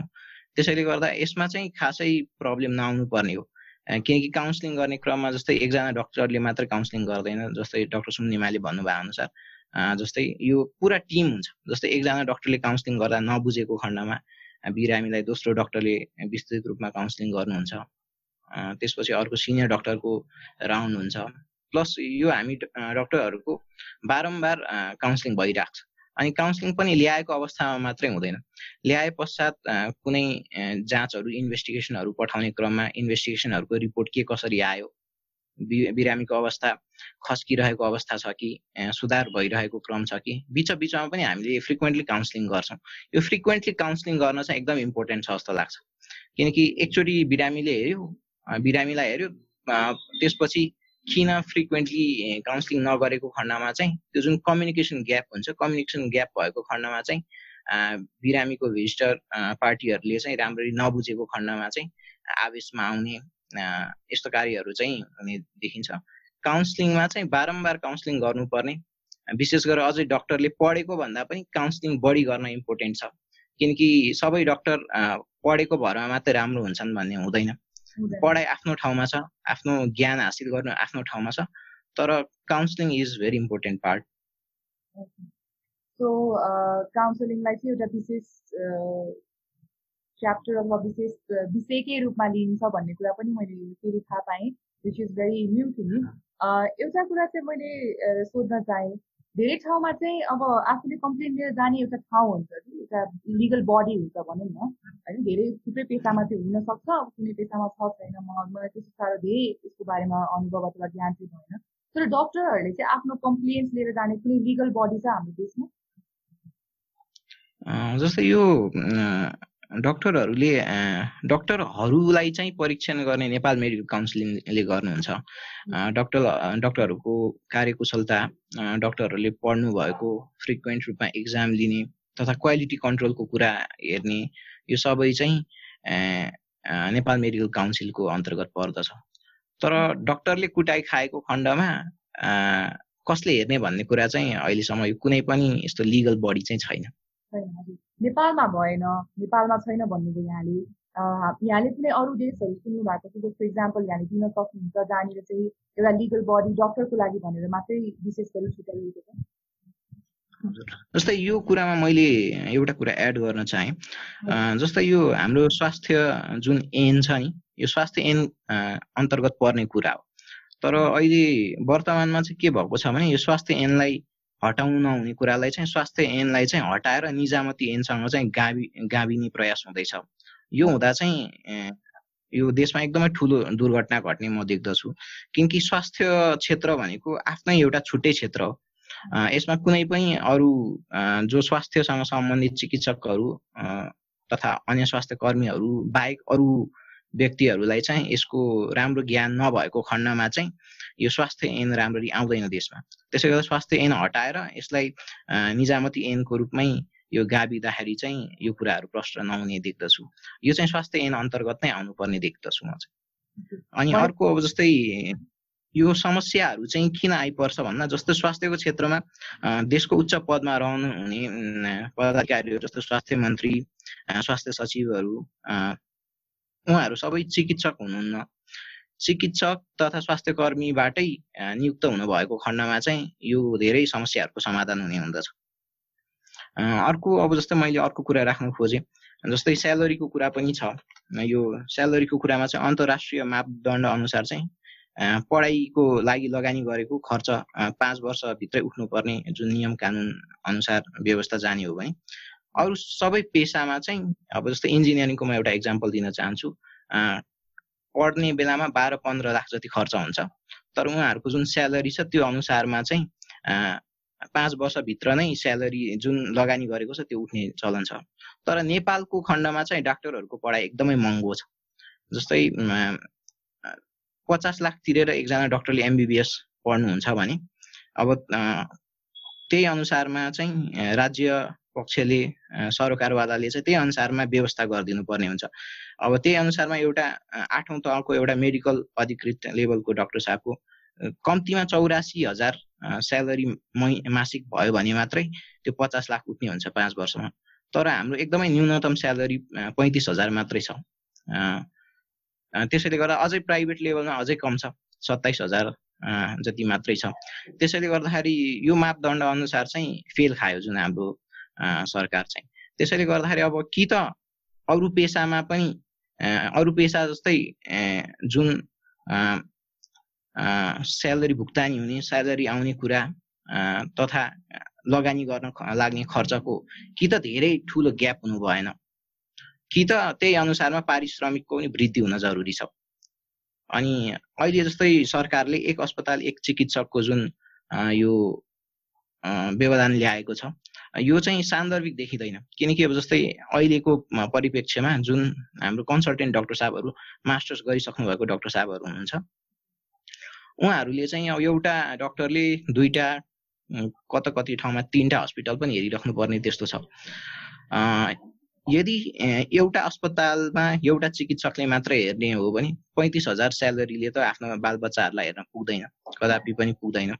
त्यो कारणले गर्दा दुईवटा तिनवटा हस्पिटलमा काम गर्नुपर्ने अहोरात्र खटिनुपर्ने धेरै जिम्मेवारी वहन गर्नुपर्ने त्यस्तो देखिएको छ। त्यसैले गर्दाखेरि एक अस्पताल एक चिकित्सक एउटा हस्पिटलमा एउटा मात्रै चिकित्सक काम गर्ने हो भने चाहिँ त्यही अनुसार चिकित्सकको पारिश्रमिक पनि वृद्धि हुनुपर्ने देखिन्छ।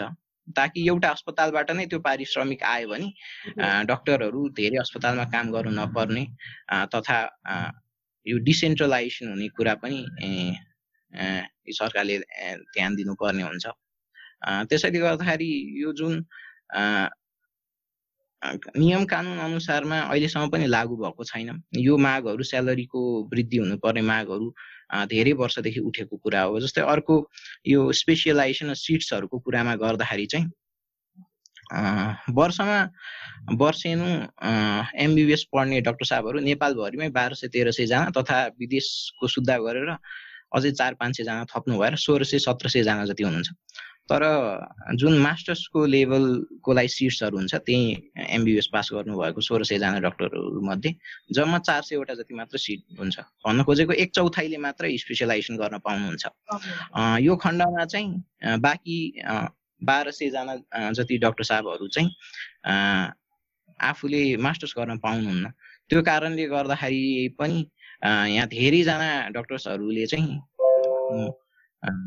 कार्य गर्न पाउनुहुन्न विशेष गरेर। अनि त्यही अनुसारमा पारिश्रमिकको पनि कमी हुन्छ।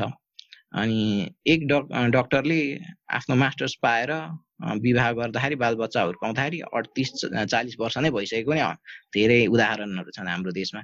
त्यसले गर्दा यो कुरामा चाहिँ सरकारले गहन रूपमा ध्यान आकर्षण गरेर कि त डाक्टरहरूको चिकित्सकहरूको तथा अन्य स्वास्थ्य कर्मीहरूको अन्य आठौँ तहहरूको लेभलभन्दा बढी पारिश्रमिक दिनुपर्ने व्यवस्था मिलाउनु पर्यो। कि त अन्य पेसाहरू सरह जुन लगानी गर्नुपर्ने खण्डमा चाहिँ डाक्टरको पढाइ चाहिँ एकदम महँगो गर्नु भएन। दुईवटा उपाय छ। ओके। यहाँले एकदमै डेप्थमा गएर सबै कुरा विस्तृत रूपमा भनिदिनु भयो जुन कुराहरूलाई चाहिँ मैले मेरो मेरै आफ्नै घरमा पनि वरिपरि देखिरहेको छु होइन? यदि कसैको घरमा डक्टर हुनुहुन्छ भने उहाँले यो कुरा मजाले बुझ्नुहुन्छ होला रिगार्डिङ द स्यालेरी जुन यहाँले स्यालेरीको कुरा गर्नुभयो अथवा एउटा डक्टरको जीवन चाहिँ कति स्लो जान्छ किनकि हाम्रो सरकारी तहमा सोह्र सय डक्टरमा चार सय सिट छ भनेपछि एक चौथाइले पाउँदैन र अर्को वर्ष जब त्यो जाँच फेरि हुन्छ एक्जाम फेरि हुन्छ त्यो बेलामा बाँकी भएको बाह्र सय र त्यसमा अझै थपिएको अरू डक्टर्सहरू अझै थपिन्छ जसले गर्दा कम्पिटिसन अझै बढ्दै जाला अझै हुन्छ नि अझै नम्बर अफ डक्टर्सहरू बढ्दै जानु होला र सायद अर्को वर्ष दुई हजारले दिनु होला त्यसमा चारजनाले चार सयजनाले मात्रै सिट पाउनु होला जसको कारणले सायद हामीले खोजे जति नम्बर अफ डक्टर्स पनि पाउँदैनौँ होला। हामीलाई जति डक्टरहरू चाहिएको छ जति चिकित्सकहरू चाहिएको छ सायद त्यो पनि पाउँदैनौँ होला। त्यसपछि त्यो सबै डक्टरलाई as a resource as a human resource चाहिँ नेपालभरि पनि फैलाउन सक्छौँ जस्तो मलाई लाग्दैन होइन? किनभने नेपालभरि पनि फैलिनु पर्ने हो।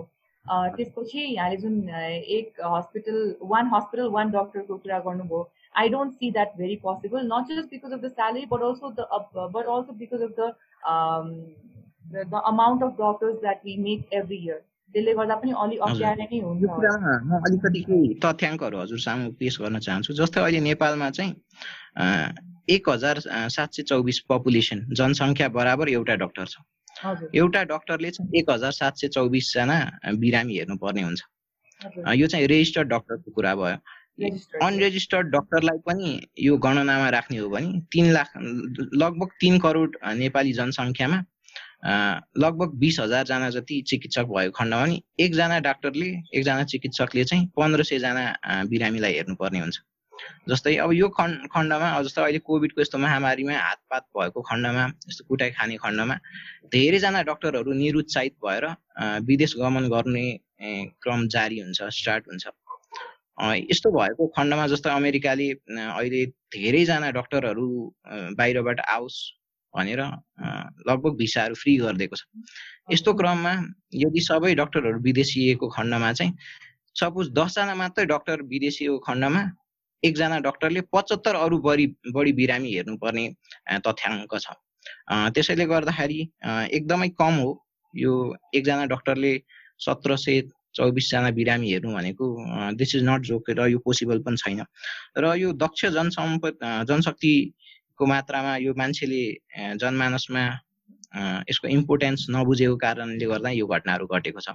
यदि सबैजना बिरामीको अभिभावकहरू तथा भिजिटर पार्टीहरू पेसेन्ट पार्टीहरूले सत्र सय चौबिसजना डक्टर बिरामीलाई एकजना डक्टरले हेर्छन् है भन्ने कुराको जानकारी भयो। तथा हजारजना यो जुन जनसङ्ख्याको बराबरमा हाम्रो देशमा एउटा बेड हस्पिटल बेड पनि हुँदैन। जेरो पोइन्ट नाइन पर्सेन्ट मात्रै बेड हुन्छ। हजारजना बिरामी भएको खण्डमा जम्मा जेरो पोइन्ट नाइन पर्सेन्टले बेड पाउँछन्। भन्न खोजेको पन्ध्र सय सोह्र सयजना बिरामी मध्ये एकजनाले मात्रै बेड पाउँछन्। यो खण्डमा यदि यो कोभिडको बेलामा यदि अहिले जस्तै एउटा उदाहरण दिन चाहन्छु। हिजोको मितिबाट एक लाख नौ सय एकहत्तरवटा पिसिआर टेस्ट भएको छ। जुन चाहिँ जसमध्ये तिन हजार सात सय बैसठीवटा केस चाहिँ पोजिटिभ आएको छ। हाम्रो तिन करोड जनसङ्ख्यामा एकदमै न्यूनतम जम्मा zero point zero zero three percent मात्र टेस्ट भएको छ।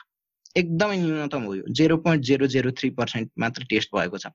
यदि अहिले मानौँ यही रेन्ज यही हिसाबलाई लिएर हामीले तिन करोड पपुलेसनमा पिसिआर टेस्ट भयो भन्ने यदि मान्छौँ भने अहिले एघार लाख सत्र हजारजना कोभिड पोजिटिभ पिसिआर पोजिटिभ केसहरू हाम्रो सामु आउँछ। त्यो भनेको धेरै हो। त्यसले गर्दा यो केसमा चाहिँ सरकारले ध्यान दिन एकदम जरुरी छ। मेन पिपिई गाउनहरू है सबै मास्कहरू यिनीहरूको यिनीहरू पूर्वाधारको तयारी गर्न जरुरी छ। समय समयमा डक्टर्स नर्सहरूको यो पिपीहरूको ट्रेनिङहरू दिन जरुरी छ। सामग्रीहरूको व्यवस्था गर्न एकदमै जरुरी छ। क्वारेन्टाइनको व्यवस्था गर्न जरुरी छ। अहिले लकडाउनको बेलामा विशेष गरेर लकडाउनले चाहिँ यो कोभिडलाई ठिक गर्ने होइन कि ताकि हामीलाई यो टाइम चाहिँ बाई गर्नलाई हो। विशेष गरेर भाइरस ट्रान्समिसन नहोस् भनेर हो। तथा यो क्रममा चाहिँ धेरैभन्दा धेरै परीक्षण पिसिआर परीक्षण गरेर चाहिँ देशको देशमा धेरै सर्भिलियन्स र कन्ट्याक्ट ट्रेसिङ गरेर हाम्रो देशको विभिन्न जिल्लालाई चाहिँ red red zone green zone र येल्लो जोनमा ट्रायज गरेर छुट्याएर चाहिँ अब रेड जोनमा भएकोलाई चाहिँ कन्टिन्यू लकडाउन गरेर जब अलिकति हर्ड इम्युनिटी डेभलप हुन्छ। त्यति बेलामा येल्लो जोनमा भएकोलाई अलिकति लकडाउन खुकुलो गर्ने। यसरी चरणबद्ध रूपमा चाहिँ यो ट्रायज गरेर सर्भिलान्स र कन्ट्याक्ट ट्रेसिङ गरेर जानु अगाडि देख्दछु। एकदमै इम्पोर्टेन्ट पोइन्टहरू निकाल्नुभयो कोभिड सम्बन्धी होइन। त्यसलाई म एकैछिन साइडमा राख्न चाहन्छु। I like to go back to यहाँले जुन फर्स्टमा मलाई भन्नुभएको थियो एक दुईवटा कुरा भन्नुभएको थियो जुन चाहिँ हाम्रो नेपालमा रहेको ऐन सम्बन्धी रहेको छ यहाँहरूलाई चाहिँ पहिला चाहिँ छुट्याइएको थियो भनेर डक्टर्सहरूको एउटा छुट्टै ऐन थियो भने अब नयाँमा चाहिँ यहाँहरूलाई गाभिन खोजिरहेको छ भन्ने कुरा त्यो चाहिँ नयाँ पहिला चाहिँ पहिला चाहिँ स्वास्थ्य ऐन छुट्टै थियो। अनि अहिले चाहिँ स्वास्थ्य ऐनलाई निजामती ऐनसँग नै गाभिएको अवस्था छ। जस्तै इक्जाम्पल म के दिन चाहन्छु भने यो खण्डमा चाहिँ जस्तै के केमा असर पर्छ भन्दाखेरि डब्लुएचओले निर्धारित गरेको जस्तो स्वास्थ्य क्षेत्रमा दिनुपर्ने बजेट भनेको नाइनदेखि टेन पर्सेन्ट हो। तर हाम्रो यो वर्ष जम्मा सिक्स पर्सेन्ट आएको छ। योभन्दा अगाडिको वर्षमा जम्मा four point five percent budget आएको थियो। यदि स्वास्थ्य ऐन छुट्टै लागू गरेर स्वास्थ्यमा खर्च गर्ने भए बजेट पनि बढ्थ्यो। तर यो निजामती ऐनसँग गाभिँदाखेरि चाहिँ स्वास्थ्यको क्षेत्रलाई चाहिँ खासै विशेष रूपमा चाहिँ प्राथमिकता दिएको देखिएन। मनुष्यले जीवनमा बाँचे पश्चात स्वास्थ्य नै सब सबभन्दा ठुलो धन हो। तर यो कुरा चाहिँ हाम्रो सरोकारवाला नीति निर्माताहरूले चाहिँ यसलाई खासै प्राथमिकता दिएको देखिएको छैन। भनेपछि बजेटमा नै देखिन्छ। हजुर सो त्यसले गर्दाखेरि चाहिँ बजेट नै असर पर्छ जसले गर्दाखेरि हाम्रो हेल्थ फेसिलिटिजमा धेरै असर पर्न सक्छ भन्ने कुरा चाहिँ मैले यहाँबाट बुझ्छु। In terms of both doctors and patient हामीले जुन पाउँछौँ as a normal people as a common people हामीले जुन किसिमको फेसिलिटिजहरू पाउनु पर्ने हो त्यसमा पनि कमी आउन सक्छ यसले गर्दा। जस्तो म एउटा उदाहरण दिन चाहन्छु। पहिला जब एउटा किडनी फेल भएको पेसेन्टलाई डायलाइसिस गर्ने चलन थियो सरकारले सर्टेन बजेट एलाउ गरेको हुन्छ पेसेन्टलाई अनि त्यही अनुसारमा सर्टेन चोटि मात्रै डायलाइसिस गर्ने व्यवस्था हुन्छ। त्यो व्यवस्थामा अहिले कमी आएको छ धेरै ठाउँ ठाउँमा। तथा स्वास्थ्य परीक्षण गर्ने केसमा तथा स्वास्थ्यको लागि विभिन्न पक्षमा चाहिँ जुन उपचार गर्ने अस्पतालहरूको निर्माण गर्नुपर्ने क्रममा तथा सामग्रीहरू उपलब्ध गराउनु पर्ने क्रममा त्यसमा धेरै कमी आएको छ। जस्तै एउटा पिएचसी लेभलमा पनि हुनुपर्ने जस्तै एसेन्सियल ड्रग्सहरू पनि पुगेको नपुगेको अवस्था देखिएको छ। एउटा सामान्य पारासिटामोल जीवनजल पनि नपुगेको अवस्था हो। अहिले हाम्रो देशमा हेर्ने क्रममा विभिन्न गाउँठाउँमा हेर्दाखेरि गाउँपालिकामा हेर्दाखेरि अहिलेसम्म पनि यो पुग्न सकेको छैन। त्यसैले गर्दा यो स्वास्थ्य क्षेत्रलाई चाहिँ प्राथमिकता दिनुपर्ने कुरामा अझै कमी आएको छ। दिनानुदिन वर्षेनु अझै कमी कमी भइरहेको छ। जस्तै यो पालि कोभिड भएको छे बेलामा त स्वास्थ्यलाई एकदमै प्राथमिकता दिएर यसमा लगानी हुने प्लस यो क्षेत्रमा बजेट अलिक बढी आउँथ्यो भन्ने हामीलाई आश थियो। तर हाम्रो डब्लुएचओको प्रोटोकल अनुसार टेन पर्सेन्ट जति पनि बजेट नआएको खण्डमा चाहिँ देशमा चाहिँ स्वास्थ्यलाई चाहिँ अझै प्राथमिकता नदिएको अवस्था देखिन्छ।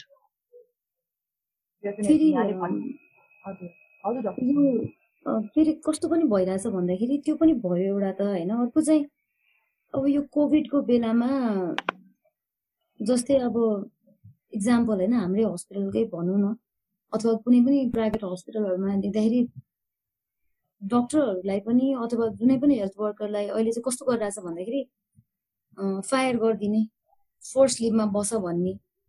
होइन त्यस्तो पनि गरिरहेको छ। एकदमै नोबल प्रोफेसन भनेको छ। पेसेन्ट चाहिँ एकदम पिपी लाएर आइराख्नुहुन्छ कोही कोही होइन? डक्टरहरूलाई चाहिँ एउटा एन नाइन्टी फाइभ मास्क पनि हुँदैन। माग्दाखेरि तिमीहरू यो पन्ध्र दिन चलाउ हामीसँग छैन। कहाँबाट दिने भन्दा? पेसेन्टहरूलाई पनि केही पनि छैन र प्लस डक्टरहरूको लागि पनि केही पनि छैन कि?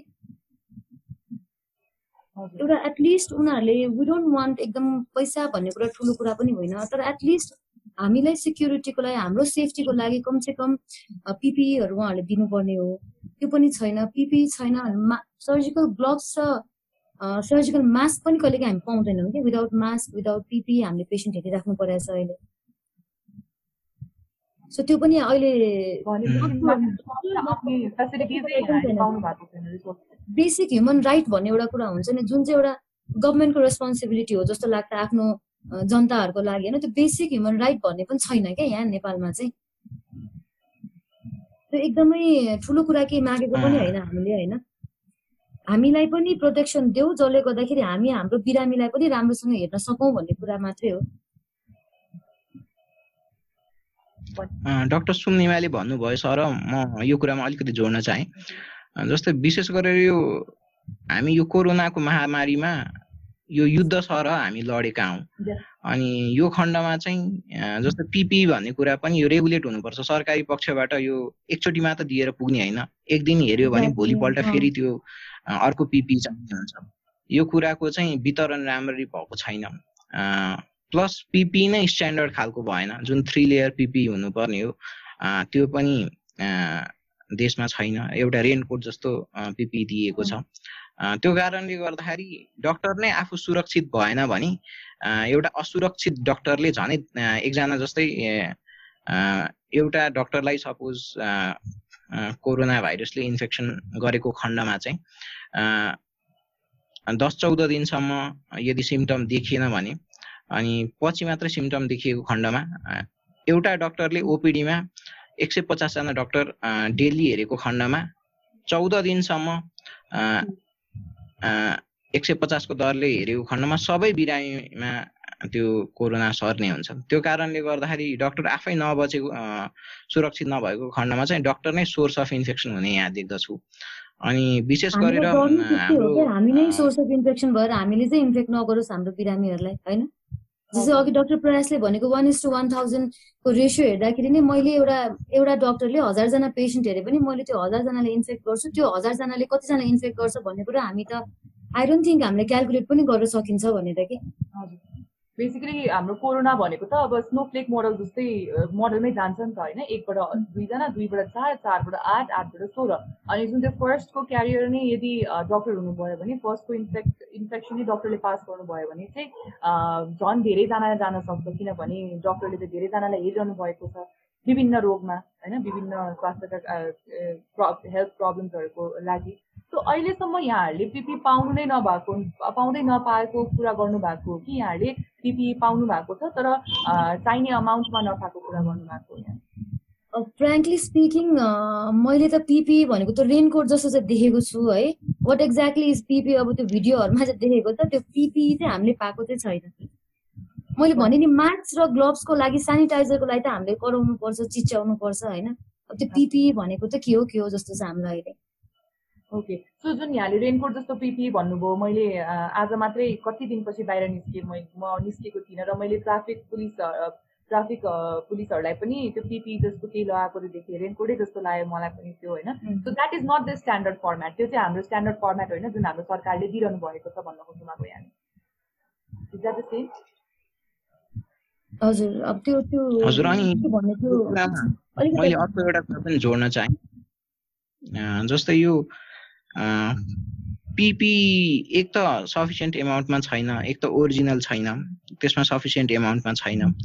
अनि भए तापनि यो जुन दिइएको छ डक्टरहरूले भन्दा पनि बाहिरको मान्छेहरूले नै बढी प्रयोग गरेको देखिन्छ। जस्तै तपाईँले अस्पतालमा हेर्नुभयो भने म त मैले पेसेन्ट हेर्दाखेरि पेसेन्टले चाहिँ पिपी लाएर आएको देख्छु कि। उहाँहरू पुरै एन नाइन्टी फाइभ मास्क अनि मुखसुक सबै छोपेर एकदम फेस सिल्ड लाएर सर्जिकल ग्लोभ्स लाएर आउनुहुन्छ अनि हामी चाहिँ खाली हातले एकदम बिरामी छुनु पर्ने हुन्छ। अनि अब त्यस्तै हो। हजुर हजुर। अनि विशेष गरेर अर्को हाम्रो यो सरकारले विशेष ध्यानकरण दिनुपर्ने कुरामा चाहिँ कोभिड हस्पिटल खोल्न तथा प्राइभेट अस्पतालहरूलाई पनि कोभिड हस्पिटल समयमै डिक्लेयर गर्न एकदमै जरुरी छ। जस्तै एउटा बिरामी एउटा डक्टर कहाँ आयो जस्तै कोभिडको सिम्टम्सहरू रुगाखोकी ज्वरो आएको खण्डमा सास फेर्न गाह्रो छाती दुख्ने यो सबै सिम्टम्सहरू लिएर कोभिड को आशंका भएको खण्डमा बिरामी स्वत कोभिड हस्पिटलमै जाने हुन्छ। तर कोभिड अस्पताल डिक्लेयर नगरेको खण्डमा व्यक्ति एउटा अस्पतालबाट अर्को अस्पताल अर्को अस्पतालबाट अर्को अस्पतालमा जाने क्रममा चाहिँ धेरै ठाउँमा चाहिँ भाइरसको ट्रान्समिसन चाहिँ ब्रेक हुन पाउँदैन धेरैजनालाई फैलिने डर हुन्छ। त्यसैले गर्दा सरकारवालाले चाहिँ धेरैभन्दा धेरै अस्पताललाई पहिले नै ब्याकअपमा राखेर तिन हजारवटा केस भयो भने यो हस्पिटल पनि इन्क्लुड गर्ने पाँच हजारवटा केस भयो भने यो अर्को थप तिन चारवटा हस्पिटल इन्क्लुड गर्ने भनेर प्राइभेट सेक्टरबाट पनि समयमै सुझाव तथा हेल्प लिन एकदमै जरुरी छ। नत्र यो भाइरसको ट्रान्समिसनको चेन हामीले ब्रेक गर्न असमर्थ हुन्छ। तर मैले आफूले बुझेको चाहिँ किनभने अलि अगाडि समयदेखि नै यो के भन्छ हस्पिटल प्राइभेट हस्पिटल्सहरूलाई पनि युज गर्ने कोरोना हस्पिटलको रूपमा भन्ने कुरा चाहिँ निस्केको थियो जस्तो लाग्छ। इफ आइम नट रङ मैले पनि त्यो कुरामा अलिकति कता कता न्युजमा पढेको जस्तो मलाई लाग्छ। र त्यो बेला चाहिँ मलाई कस्तो लागेको थियो भन्दा त्यो बेला हाम्रो देशमा चाहिँ पहिलो लट हुन्छ नि टेस्ट किटको अथवा मेडिकल किटको चाहिँ पहिलो लट पनि आइसकेको थिएन होइन? हामी के अब तपाईँहरूलाई एज अ डक्टर होइन एज डक्टर तपाईँहरूलाई हामीले सुरक्षाको सामग्री नदिकन एउटा सरकारले सुरक्षाको सामग्री नदिकन अथवा तपाईँहरूको सेक्युरिटीको लागि जे जे चाहिने हो मेडिकल किट चाहिँ तपाईँहरू जुन चाहिन्छ कोरोनाको लागि त्यो सबै प्रोभाइड नगरिकन यो प्राइभेट हस्पिटल्सहरूलाई पनि अथवा सबै हस्पिटललाई चाहिँ कोरोना हस्पिटल भन्न सही हो त? इज इज द्याट राइट सबै अस्पताललाई कोरोना अस्पतालको रूपमा डिक्लेयर नगरे तापनि अहिले एकदमै थोरै न्यून मात्रामा मात्रै सातवटा जति अस्पताललाई मात्रै कोरोना अस्पताल डिक्लेयर गरेको अवस्था छ। तर जुन रेटमा दिनानुदिन सयौँजना बिरामीहरू कोरोना सङ्क्रमित हुने जुन क्रम जारी छ त्यही रूपमा जाने हो भने चाहिँ यो सरकारी अस्पतालका डाक्टर साहबहरू सरकारी अस्पतालले मात्र थेग्ने अवस्था हुँदैन। त्यो कारणले गर्दाखेरि चाहिँ त्यो भइसक्नुभन्दा अगाडि नै पूर्ण रूपमा नै यो डाटाहरूलाई स्टडी गरेर कन्ट्याक्ट ट्रेसिङ गरेर पहिले नै केही प्राइभेट अस्पताललाई पनि यो कोरोना अस्पतालमा परिणत गर्न चाहिँ जरुरी देख्दछु। अर्को सरकारले ध्यान आकर्षण गर्नुपर्ने कुरा चाहिँ यो जुन क्वारेन्टाइनमा राखेको मास क्वारेन्टाइनमा राखेको जुन व्यक्तिहरू हुन्छ विशेष गरेर तराई जहाँ गाउँ पक्षमा बोर्डरको क्षेत्रमा जुन हुनुहुन्छ क्वारेन्टाइन पनि एउटा भैँसीको गोठ त्यस्तो त्यस्तोमा राखेको पनि धेरै भिडियोहरू आएको छ। क्वारेन्टाइनमा राख्ने बिरामीहरूलाई एउटा सफा सुगर एउटा हेल्दी वातावरण दिन सकिएन भने त्यसले झनै अरू रोगहरू पनि सङ्क्रमित हुने कुरा पनि छ। त्यसै गर्दा यो कुरामा पनि हाम्रो सरकार तथा सरकारवालाहरूले चाहिँ विशेष ध्यान दिनुपर्ने जरुरी छ। क्वारेन्टाइनको वातावरण पनि हेल्दी हुन एकदम जरुरी छ। तथा यहाँ अर्को कस्तो देखिएको छ भने क्वारेन्टाइन र आइसोलेसनलाई व्यक्तिहरूले एउटै रूपमा लिएका छन्। यदि कसैलाई कोरोना पोजिटिभ भएको देखेको खण्डमा त्यसलाई छुट्टै आइसोलेसनमा राख्नुपर्ने जरुरी देखिन्छ। तर यहाँ हाम्रो धेरै जस्तो बोर्डरमा चाहिँ कोरोना पोजिटिभ आएको पिसिआर पोजिटिभ आएको केसलाई पनि छुट्टै राखेर उपचार नगरी नगरिकन समूहमा नै राखेको कारणले गर्दा पनि अझै यो कोरोना फैलिएको अवस्था देखिन्छ। डेफिनेटली यो सबै कुराहरूमा चाहिँ सरकारले विशेष ध्यान आकर्षण गर्नुपर्छ जस्तो मलाई पनि लाग्छ। म डक्टर सुम्निमा तर्फ जान्छु अब बेगता यहाँले अघि नै चाहिँ अब हामीले अठाइस अडचालिस घन्टा ड्युटी गर्छौँ अथवा छत्तिस घन्टा ड्युटी गर्छौँ भनेर भन्नुभयो होइन? यो भन्ने क्रममा चाहिँ मैले कस्तो पनि महसुस गरेँ भन्दाखेरि do you think the duty hours that you're allotted यहाँलाई जुन ड्युटी आवर्स दिइएको छ। त्यो ड्युटी आवर्समा चाहिँ अझै केही चेन्ज गर्न सकिन्छ अथवा डक्टरहरूलाई अलिक बढी पेलाइएको हो कि जस्तो लाग्छ कि यहाँलाई? यहाँको प्रोफेसनले नै त्यो पेला डिमान्ड गरेको हो? अथवा एडमिनिस्ट्रेसनले नै त्यो ड्युटी राम्रोसँग डिस्ट्रिब्युट गर्न नसकेको हो? यहाँहरूसँग ह्युमन रिसोर्स कम भएको हो? What is the reason that you working for forty eight hours thirty six hours non stop अब यो कस्तो हुन्छ भन्दाखेरि जुन दिन हामी पोस्ट ग्रेजुएसनमा जुन दिन हामी काउन्सिलिङ सकिसकेपछि त्यो युनिभर्सिटीमा जुन काउन्सिलिङ हुन्छ नि त्यहाँनिर नै हामीलाई भनिएको हुन्छ कि ल तिमीहरूको ड्युटी चाहिँ मिनिमम इलेभेन एउटा एक महिनामा होइन ड्युटी आवर्स भनेको थर्टी सिक्स आवर्स हुन्छ। Apart from OPDs or OT त्यो भन्न मिलेन होइन छत्तिस घन्टा ड्युटी मात्रै हो। अब त्यो कुरा त हामीहरूले भन्नु भन्दा पनि यो एकदम क्लियर कट अनएथिकल एकदमै अनसाइन्टिफिक अनि त्यसमाथि केही मिसाप भयो भने जिम्मेवारी को हुने होइन? एउटा मान्छेलाई खान पनि पाउँदैन पानी खान पाउँदैन खाना खान पाउँदैन सुत्न पाउँदैन रात दिन ड्युटी गराउँछ भोलिपल्ट केही तल माथि पऱ्यो भने त्यसको जिम्मा कसले लिने?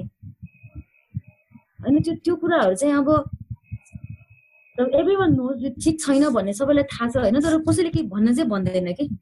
सो यो त माथिबाटै आउनुपर्ने कुराहरू चाहिँ सिस्टमले गर्नुपर्ने काम हो होइन? जोसुकै होस् जोसुकै होस् नर्मल मान्छेलाई दुई तिन दिनसम्म ड्युटी त्यसरी गराएर कसरी सक्छ? मलाई आई डोन्ट थिङ्क डक्टर बाहेक अरू कोही होला जस जसले यसरी मरेर ड्युटी गर्छ। होइन? सबै नर्मल कर्मचारीहरू नाइन टु फाइभ ड्युटी गर्छ उनीहरू मजाले राति सुतिरहेको हुन्छ। त्यही पनि सरकारी कार्यालयमा जाँदाखेरि झर्किरहेको हुन्छ उनीहरू। नौदेखि पाँच ड्युटी गर्नु पर्दाखेरि उनीहरूलाई एकदम रिस उठिरहेको हुन्छ। हामी त्यो अडचालिस घन्टा ड्युटी गर्दाखेरि पनि अलिकति ठुलो चोरले बोल्दाखेरि डक्टरले यस्तो गर्यो उस्तो गर्यो भन्छ भन्न त ठिकै छ। तर यो चाहिँ आई थिङ्क माथिबाटै चेन्ज हुनुपर्ने कुराहरू हो कि? यो चाहिँ अलिकति खै त कमन सेन्सै हो जस्तो लाग्छ मलाई त। एक्ज्याक्टली मलाई पनि अहिले विशेष गरेर यो कोभिडको प्रसङ्गमा चाहिँ यो अहिले कोभिडको महामारी फैलेको अवस्थामा चाहिँ हामी चिकित्सकहरूको दक्ष जनसम्पद जनशक्तिको अभावकै कारणले गर्दाखेरि चाहिँ जस्तै एउटा ड्युटीमा सबै डक्टरहरूले ड्युटी गरेको खण्डमा चाहिँ सपोज कोरोनाको एउटा केस आएर पिसिआर पोजिटिभ आएर सबैजना क्वारेन्टाइन बस्नु परेको खण्डमा चाहिँ भोलिको दिनमा चाहिँ ड्युटी गर्न कोही पनि एभाइलेबल नहुने कारणले गर्दाखेरि चाहिँ हामीले यो अडचालिस घन्टा बहत्तर घन्टा कसै कसैले छयानब्बे घन्टा ड्युटी गरेर अनि ड्युटी गरे पश्चात क्वारेन्टाइनमा बस्ने अनि त्यसपछि चाहिँ अरू अर्को डक्टर चिकित्सकहरूले आएर ड्युटी गर्ने यो चाहिँ हाम्रो बाध्यता हो अहिलेको सिचुएसनल बाध्यता मान्छे पनि छैन नि त ड्युटी गर्नलाई होइन? हामीसँग दुईजनाको ठाउँमा दसजना भइदिएको भए सायद चौबिस चौबिस घन्टा गरेर पनि हामी क्वारेन्टाइनमा बस्न पाउँथ्यौँ होला नि त। यो अहिलेको सिचुएसनलाई चाहिँ मैले एकदम एक्सेप्सनमा राखिदिन्छु होइन। अब एक्सेप्सन हुनसक्छ धेरैवटा एक्सेप्सन यहाँहरूले आफैले देख्नु भएको होला। दुई बजे राति कुनै पेसेन्टले चाहिँ पेसेन्टको केही इमर्जेन्सी केस आयो भने त्यसको लागि पनि यहाँहरू तयार बस्नुहुन्छ भन्ने कुरा त म बुझ्छु नै होइन? अब कहिलेकाहीँ यहाँको जो कोलिग हुनुहुन्छ उहाँले सायद नसक्नु होला पेसेन्ट यहाँकै हुनु होला त्यही भएर यहाँ कुद्दै पनि जानुहुन्छ होला अथवा केही एक्सेप्सन केसहरू छ। तर मैले त रेगुलर ड्युटी पनि देखेको छु डक्टरहरूको यस्तो। मेडिकल अफिसर हुँदाखेरि मेडिकल अफिसर हुँदाखेरि चौबिस घन्टा खटाइ पाइन्छ एउटा हस्पिटलमा मेडिकल अफिसर मेडिकल अफिसर भनेको अब एमबिबिएससम्म मात्रै सकाएको होइन। त्यसपछि एमडी गरिसकेपछि सायद होला यहाँले भन्नुभएको अडचालिस घन्टा मेडिकल अफिसर हुँदाखेरि पनि मै मेडिकल अफिसर हुँदाखेरि म पार्टनर हस्पिटलमा काम गर्दाखेरि मैले थर्टी सिक्स आवर्स ड्युटी नै गरे हो कि? होइन? सो अलिकति एफिसियन्ट हुँदैन जस्तो लाग्छ कि। त्यसरी डक्टरहरूलाई खटाउँदाखेरि कोभिड त अब एक्सेप्सनै भयो। कोभिड त अहिले छ पहिला त थिएन। यो सयौँ वर्षदेखिको कोभिड त थिएन नि त। होइन? अब मान्छेले एक दिन खान नपाउँदा एक दिन ढिला हुँदाखेरि के हुन्छ भन्ने कुराहरू चाहिँ एउटा नर्मल मान्छेले पनि बुझ्छ क्या त्यो कुराहरू चाहिँ। I do think that it's very inhuman किनभने अब यहाँले त फोर्टी एट आवर्स म लगातार काम गर्छु भनेर भन्नुभयो। हाम्रो अहिले सामाजिक सञ्जालमा अथवा एकदम ठुल्ठुलो कम्पनीजहरूमा चाहिँ डिबेट चलिरहेको छ कि फोर्टी आवर्स पर विक पुग्छ कि पुग्दैन? के अरे is it enough or not psychologically यो राम्रो हो कि होइन भन्ने कुराको चाहिँ ठुलो डिबेट चलिरहेको बेलामा चाहिँ डक्टर जस्तो हुन्छ नि प्रेसर प्रेसर ह्यान्डल गर्नुपर्ने प्रोफेसन अथवा नोबल प्रोफेसनले चाहिँ रेगुलरली एकदम लगातार गरेर फोर्टी आवर्स ड्युटी गर्नुहुन्छ भनेको चाहिँ अलिकति कता कता चित्त नबुझेको कुरा पनि हो। मलाई पनि यो चाहिँ मलाई पनि चित्त नबुझेको हो। यसको कारणहरू चाहिँ हामीसँग इनफ डक्टर्स नभएर हो जस्तो लाग्छ मलाई। What is your take on that enough doctor पनि नभएको हो। अब इनफ डक्टर नभएको हो भन्दा पनि अब यो खोइ के हो? यो माथिबाटै चलिआएको चलन जस्तो कि? जुनियर छ पेल्नुपर्छ सकिन्छ भने किन? अब एउटा इन्स्टिट्युसनलाई कस्तो भइसक्यो भन्दाखेरि आई डोन्ट नो है। बिजनेस गर्न बस्छ जस्तो भइसक्यो कि? फर इक्जाम्पल एउटा मेडिकल कलेजमा रेजिडेन्ट छ भने मेडिकल अफिसर किन राख्ने? गरिहाल्छ नि रेजिडेन्टले मेडिकल अफिसर राख्यो भने they have to pay extra होइन? कति होस्? बिस हजार तिस हजार एउटालाई दिनु पर्यो भने पनि धेरै त दिँदैन उनीहरूले होइन? सो इन्टु टेन नै गर्यो भने पनि उनीहरूको त लस छ त्यहाँनिर। सो त्यस्तो पनि हो जस्तो लाग्छ कि हामीलाई चाहिँ। हाम्रो त अब यस्तो हुन्छ अब अलरेडी हजुर अब हामी रेजिडेन्सी गरिरहेको मान्छे हामी त सकाउला भोलि हामी कन्सल्टेन्ट होला हामीलाई यो कुराहरू हाम्रो कन्सर्नको विषय पनि होइन। तर भोलि पर्सि म भन्दा पछि आउनेले त यो दुःख नपाओस् भन्ने कुरा हो क्या हाम्रो चाहिँ।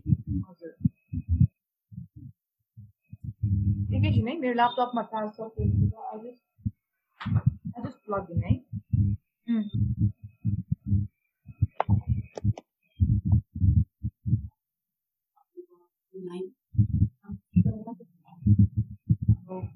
ओके सो एकदमै इम्पोर्टेन्ट टपिक थियो मलाई ड्युटी आवर्सको चाहिँ एकदमै डिस्कसन गर्न मन थियो। धेरैजना हाम्रो लिसनर्सहरूलाई थाहा छ छैन मेडिकल अफिसर्स भनेको चाहिँ एमबिबिएस सघाउनु भएको र रेजिडेन्ट भनेको चाहिँ it's post MBBS if I'm not wrong होइन? सो उहाँले चाहिँ त्यही कुरो गरिरहनु भएको छ। एमबिबिएस सकेर आउनेहरूलाई चाहिँ धेरै जस्तो जब दिइँदैन। यस यो कुरा धेरैजनालाई थाहा छैन। एमबिबिएस सकेको व्यक्तिहरूलाई चाहिँ साँच्ची भन्नुपर्दाखेरि नेपालमा जब पाउन एउटा राम्रो जब पाउन ट्वेन्टी फाइभ थाउजन्ड प्लसको अथवा थर्टी थाउजन्ड प्लसको जब पाउन चाहिँ एकदमै गाह्रो छ एकदमै गाह्रो छ। त्यसको त्यसपछि अब उहाँहरूले जब पनि गर्नै पर्छ त्यो जब नगरिकन उहाँहरूले एमडीको लागि अप्लाई पनि गर्न मिल्दैन होला सायद इफ आम नट रङ होइन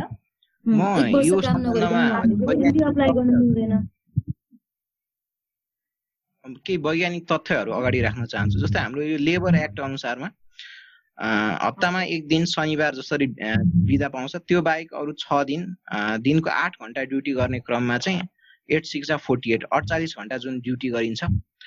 त्यो प्लस एउटा चौबिस घन्टा एक्स्ट्रा ड्युटी गरेको। त्योभन्दा बढी चाहिँ लेबर एक्ट अनुसारमा चाहिँ कुनै पनि कर्मचारीलाई जबरजस्ती काम गर्न पाउ दिनु हुँदैन। त्यो गरेको खण्डमा चाहिँ जुन सरोकारवालाहरू हुन्छ आफ्नो कर्मचारीलाई पेल्ने हुनुहुन्छ उहाँहरू कानुनको दायरामा पर्न जानुहुन्छ। त्यसैले गर्दा लेबर एक्ट अनुसारमा चाहिँ यो गर्न सकिँदैन। म केही उदाहरण दिन चाहन्छु। जस्तै पाँच छ वर्ष अगाडि जब मैले मेडिकल अफिसर भएर काम गरेँ त्यति बेलामा जुन इन्डिया जुन लकडाउनको अवस्था जुन थियो त्यति बेलामा पनि त्यति बेलामा मैले अस्पतालमा प्राइभेट हस्पिटलमा मेडिकल अफिसरको अभाव भएको कारणले गर्दा कोही पनि ड्युटीमा नआएको खण्डमा छ दिनसम्म पनि ड्युटी गरेको छु। छ दिनसम्म पनि कोही अन्य मेडिकल अफिसर नआ नआएर मैले हस्पिटलबाट रिजाइन गर्नु परेको अवस्था पनि छ। जस्तै यो त भयो हाम्रो काठमाडौँको अवस्था। जस्तै बाहिर अवस्थामा तपाईँले हेर्नुहुन्छ भने बाहिर कति दुर्गम क्षेत्रहरूमा गाउँपालिकाहरूको क्षेत्रमा चाहिँ एउटा मेडिकल अफिसरले पुरा हस्पिटल धानिरहेको हुन्छ। त्यहाँ ट्वेन्टी फोर आवर्स ड्युटी भन्ने पनि हुँदैन। जुन पनि बेला पेसेन्ट आयो हेर्नुपर्ने हुन्छ। कहिलेकाहीँ पाँच छ दिनसम्म पनि सुत्न नपाउने अवस्था पनि हुन्छ। जसरी मैले दुर्गम क्षेत्रमा डेढ वर्ष काम गरेँ दस बाह्र दिनसम्म नसुतेको अवस्था पनि भएको छ। यो चाहिँ सम्बन्धित माथि नीति निर्माताहरूले नै यो वर्क डिभिजनलाई लिएर लेबर एक्टको थ्रुबाट अलिकति ध्यान आकर्षण गरेर नै यो कार्य विभाजन गर्न एकदम जरुरी देखिन्छ।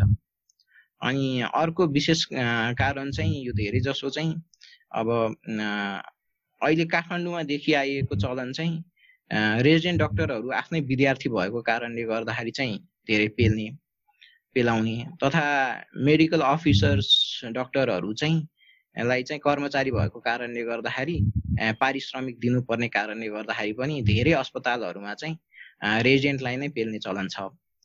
अनि प्लस मेडिकल अफिसरहरूलाई पनि पेल्ने चलन छ। प्लस अर्को के पनि कारण हुन गएको छ यो डक्टर्सहरूको अभाव भन्दाखेरि मास्टर्स लेभलको तहको परीक्षा दिनलाई चाहिँ धेरैजना मेडिकल अफिसरहरू चाहिँ केही छ महिना कसै कसैले आठ महिना कसै कसैले नौ महिना कसै कसैले एक वर्षसम्म मात्रै काम गरेर चाहिँ घरमै बसेर अध्ययन गर्ने यस्तो चलनले गर्दाखेरि पनि डक्टरहरूको अभाव हुन जान्छ।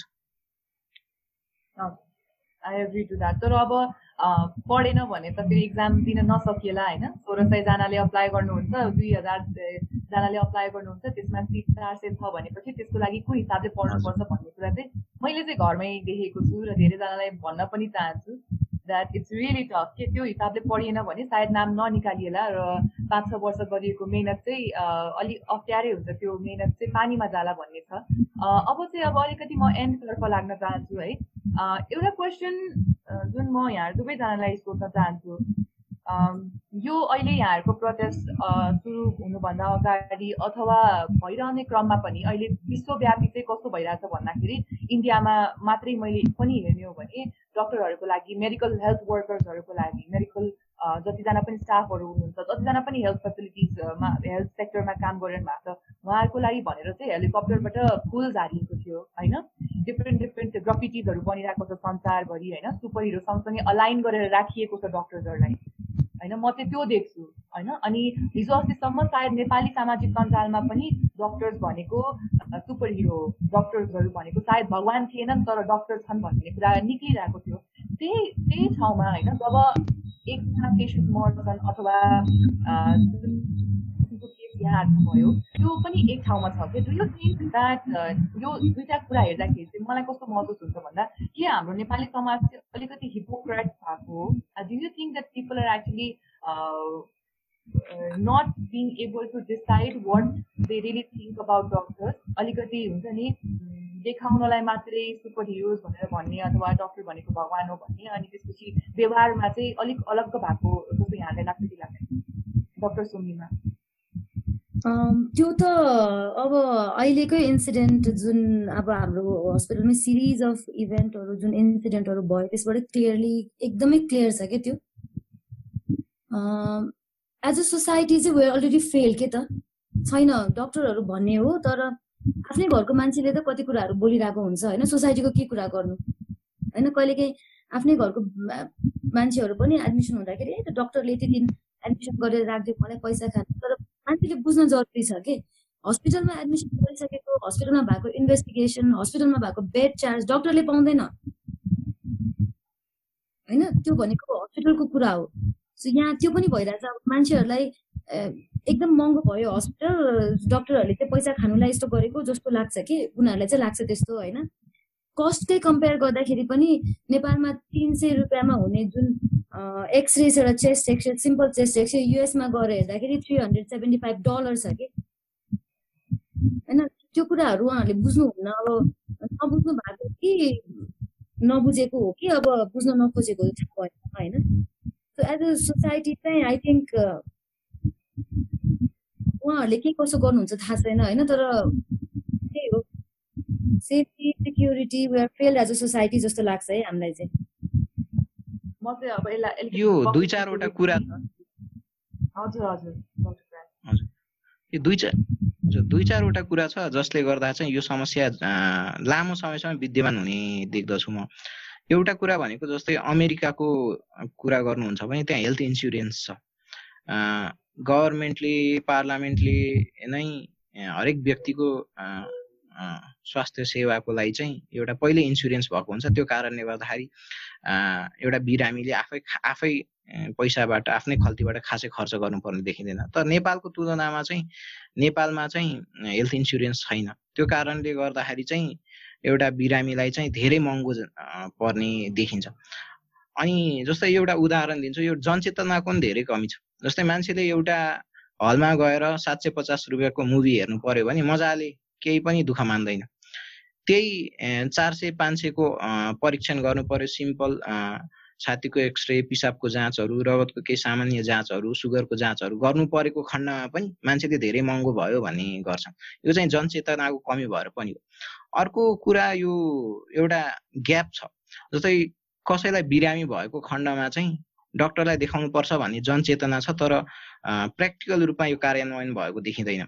जस्तै सबभन्दा सुरुमा एउटा बिरामी भएको खण्डमा धेरै जस्तो दुई चार दिन घरमै बस्छन् ठिक होला भनेर। त्यस पश्चात पहिलो डक्टर भनेको चाहिँ धामी झाँक्री हुन्छ। जस्तो यो हामीले मैले यो काठमाडौँको मात्र कुरा गरेको होइन बाहिर जुन मैले डेढ वर्ष काम गरेँ त्यसमा अनुभव गरेको अनुसारमा चाहिँ धामी झाँक्री पहिलो डक्टर हुन्छन्। धामी झाँक्री पनि बाट देखाएर पनि ठिक नभएको खण्डमा चाहिँ धामी झाँक्रीले पनि डक्टर कहाँ जा भन्दैनन्। त्यहाँ कोही स्वयंसेवकहरू कहाँ जान्छन्। स्वयंसेवकहरूले पनि भएन भने फार्मेसीमा जान्छन्। फार्मेसीमा पनि भएन भने बल्ल अनि डक्टर कहाँ आउँछ यो चेन अफ जुन छ यो डक्टर कहाँ आउने? डक्टर कहाँ आउँदाखेरि धेरै ढिलो भइसकेको अवस्था हुन्छ। दुई तिन दिनभित्रै ल्याउनु पर्ने कुरा दस बाह्र दिनपछि ल्याएर बिरामीको अवस्था एकदम नाजुक भएको खण्डमा ल्याएको कारणले गर्दाखेरि धेरै जस्तो बिरामीहरू चाहिँ बचाउन सक्ने समयमै ल्याएको खण्डमा बचाउन सक्ने बिरामीहरू पनि नबाँच्ने कारण यो जनचेतनाको कमीले गर्दा नै हो। भनेपछि मैले यहाँहरूको कुरा अब थुप्रै लामो गयौँ हामीले यो कुरा गर्दा गर्दै गर्दा गर्दै है कुरा एकदमै डिप भयो गर्दा गर्दै। हुन त हामी मेरो टपिकहरू यति नै थिए तैपनि अब यो टपिकहरू नै धेरै भास्ट रहेछन् भन्ने कुरा चाहिँ मैले यहाँसँग कुरा गरेर बुझेँ। निकै लामो गयौँ। मैले यो लामो जाने क्रममा चाहिँ के बुझेँ भन्दाखेरि चाहिँ हामी सायद गभर्मेन्ट लेभलमा नै जुन हाम्रो नेपाल सरकार छ त्यहाँनिरबाट नै पोलिसिजहरू अलिक बेटर बन्दै गयो भने अझै हामीले अवेर गराउँदै गयौँ भने होइन हाम्रो जनताहरूलाई किनभने मेजोरिटीहरू त सुपरस्टिसन सुपरस्टिसनतिर जानुहुन्छ धामी झाँटीतिर जानुहुन्छ मेजोरिटी म काठमाडौँमा बसेर भन्न सक्दिनँ क्या एक्ज्याक्ट हुन्छ नि म काठमाडौँमा बसेर चाहिँ भ्याली बाहिर के भइरहेको छ अथवा कतै रुकुमतिर के भइरहेको छ होइन सभामा के भइरहेको छ भन्ने कुरा त मलाई थाहा छैन नि त तर म बुझ्न सक्छु हामीले भन्नुहुन्छ द्याट त्यस्तो भइरहेछ बाहिर भन्छ त्यो हिसाबले हेर्दाखेरि सायद मेजोरिटीहरू सुपरस्टिसनमा जाने यस कारणले मलाई अझै अलिकति इन्भेस्टमेन्ट गरेर हाम्रो सरकारले अझ अलिकति इन्भेस्टमेन्ट गरेर चाहिँ जनचेतनामा इन्भेस्ट गर्यो भने सायद डक्टरहरूलाई नै हेल्प हुन्छ र जसले गर्दा हाम्रो हेल्थ केयर अझै बेटर हुन्छ। हुन जान्छ भन्ने कुरा चाहिँ मैले मैले चाहिँ त्यो बेस्ट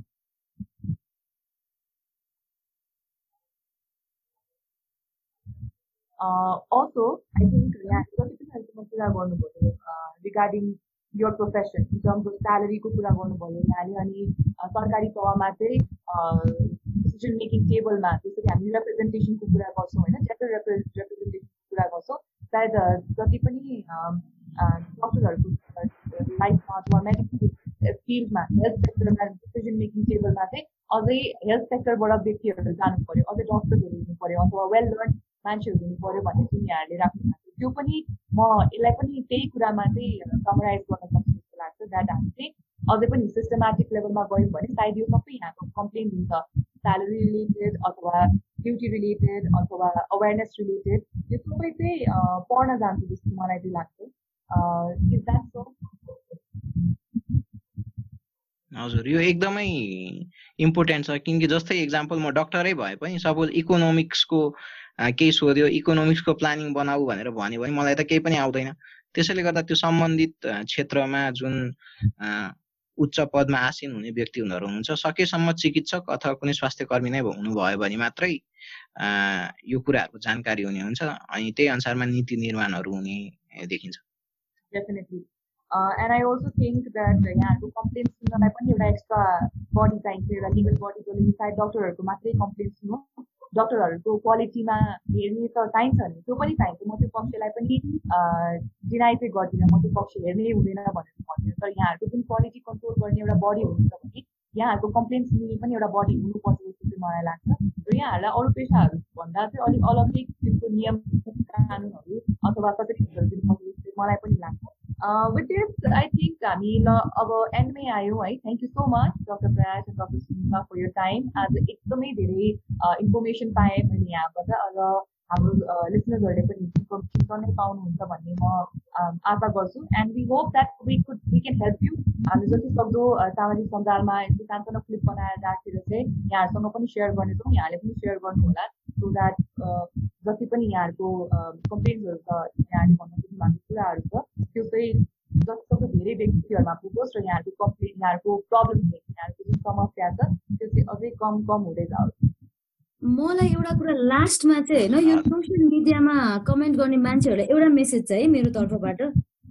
यस्तो यो यस्तो परिस्थितिमा यस्तो पेन्डेमिकको बेलामा हामीले आफ्नो ज्यानको बाजी लगाएर काम गरिरहेको बेलामा उहाँहरूले हामीले एन्करेज गर्न सक्नु हुँदैन भने त्यो वाइयात कमेन्टहरू गरेर होइन त्यस्तो त्यस्तो कमेन्टहरू गरेर हामीलाई डिस्करेज चाहिँ प्लिज नगरिदिनु होला। किनकि त्यो भोलि तपाईँलाई पनि पर्न सक्छ त्यो कमेन्ट गर्ने मान्छेलाई।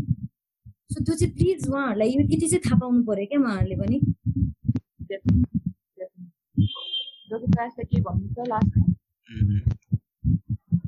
अन्तिममा डक्टर सुनिमा तथा म डक्टर प्रयासलाई हजुरको पोडोकास्टमा दुई चार शब्द तथा केही नीति निर्माणको कुराहरू राख्ने तथा यस अहिले करेन्ट डक्टरहरूमाथि भएको कुटपिट को घटनाहरूलाई लिएर प्रकाश पार्ने अवसर दिनुभएकोमा धेरै धेरै धन्यवाद Thank you so much. So with this, uh, we end today's podcast. So thank you so much, Dr. Sunima and Dr. Brad. Uh, we hope that uh, your protest is addressed or your complaints are addressed and your protest is success. Thank you. Awesome.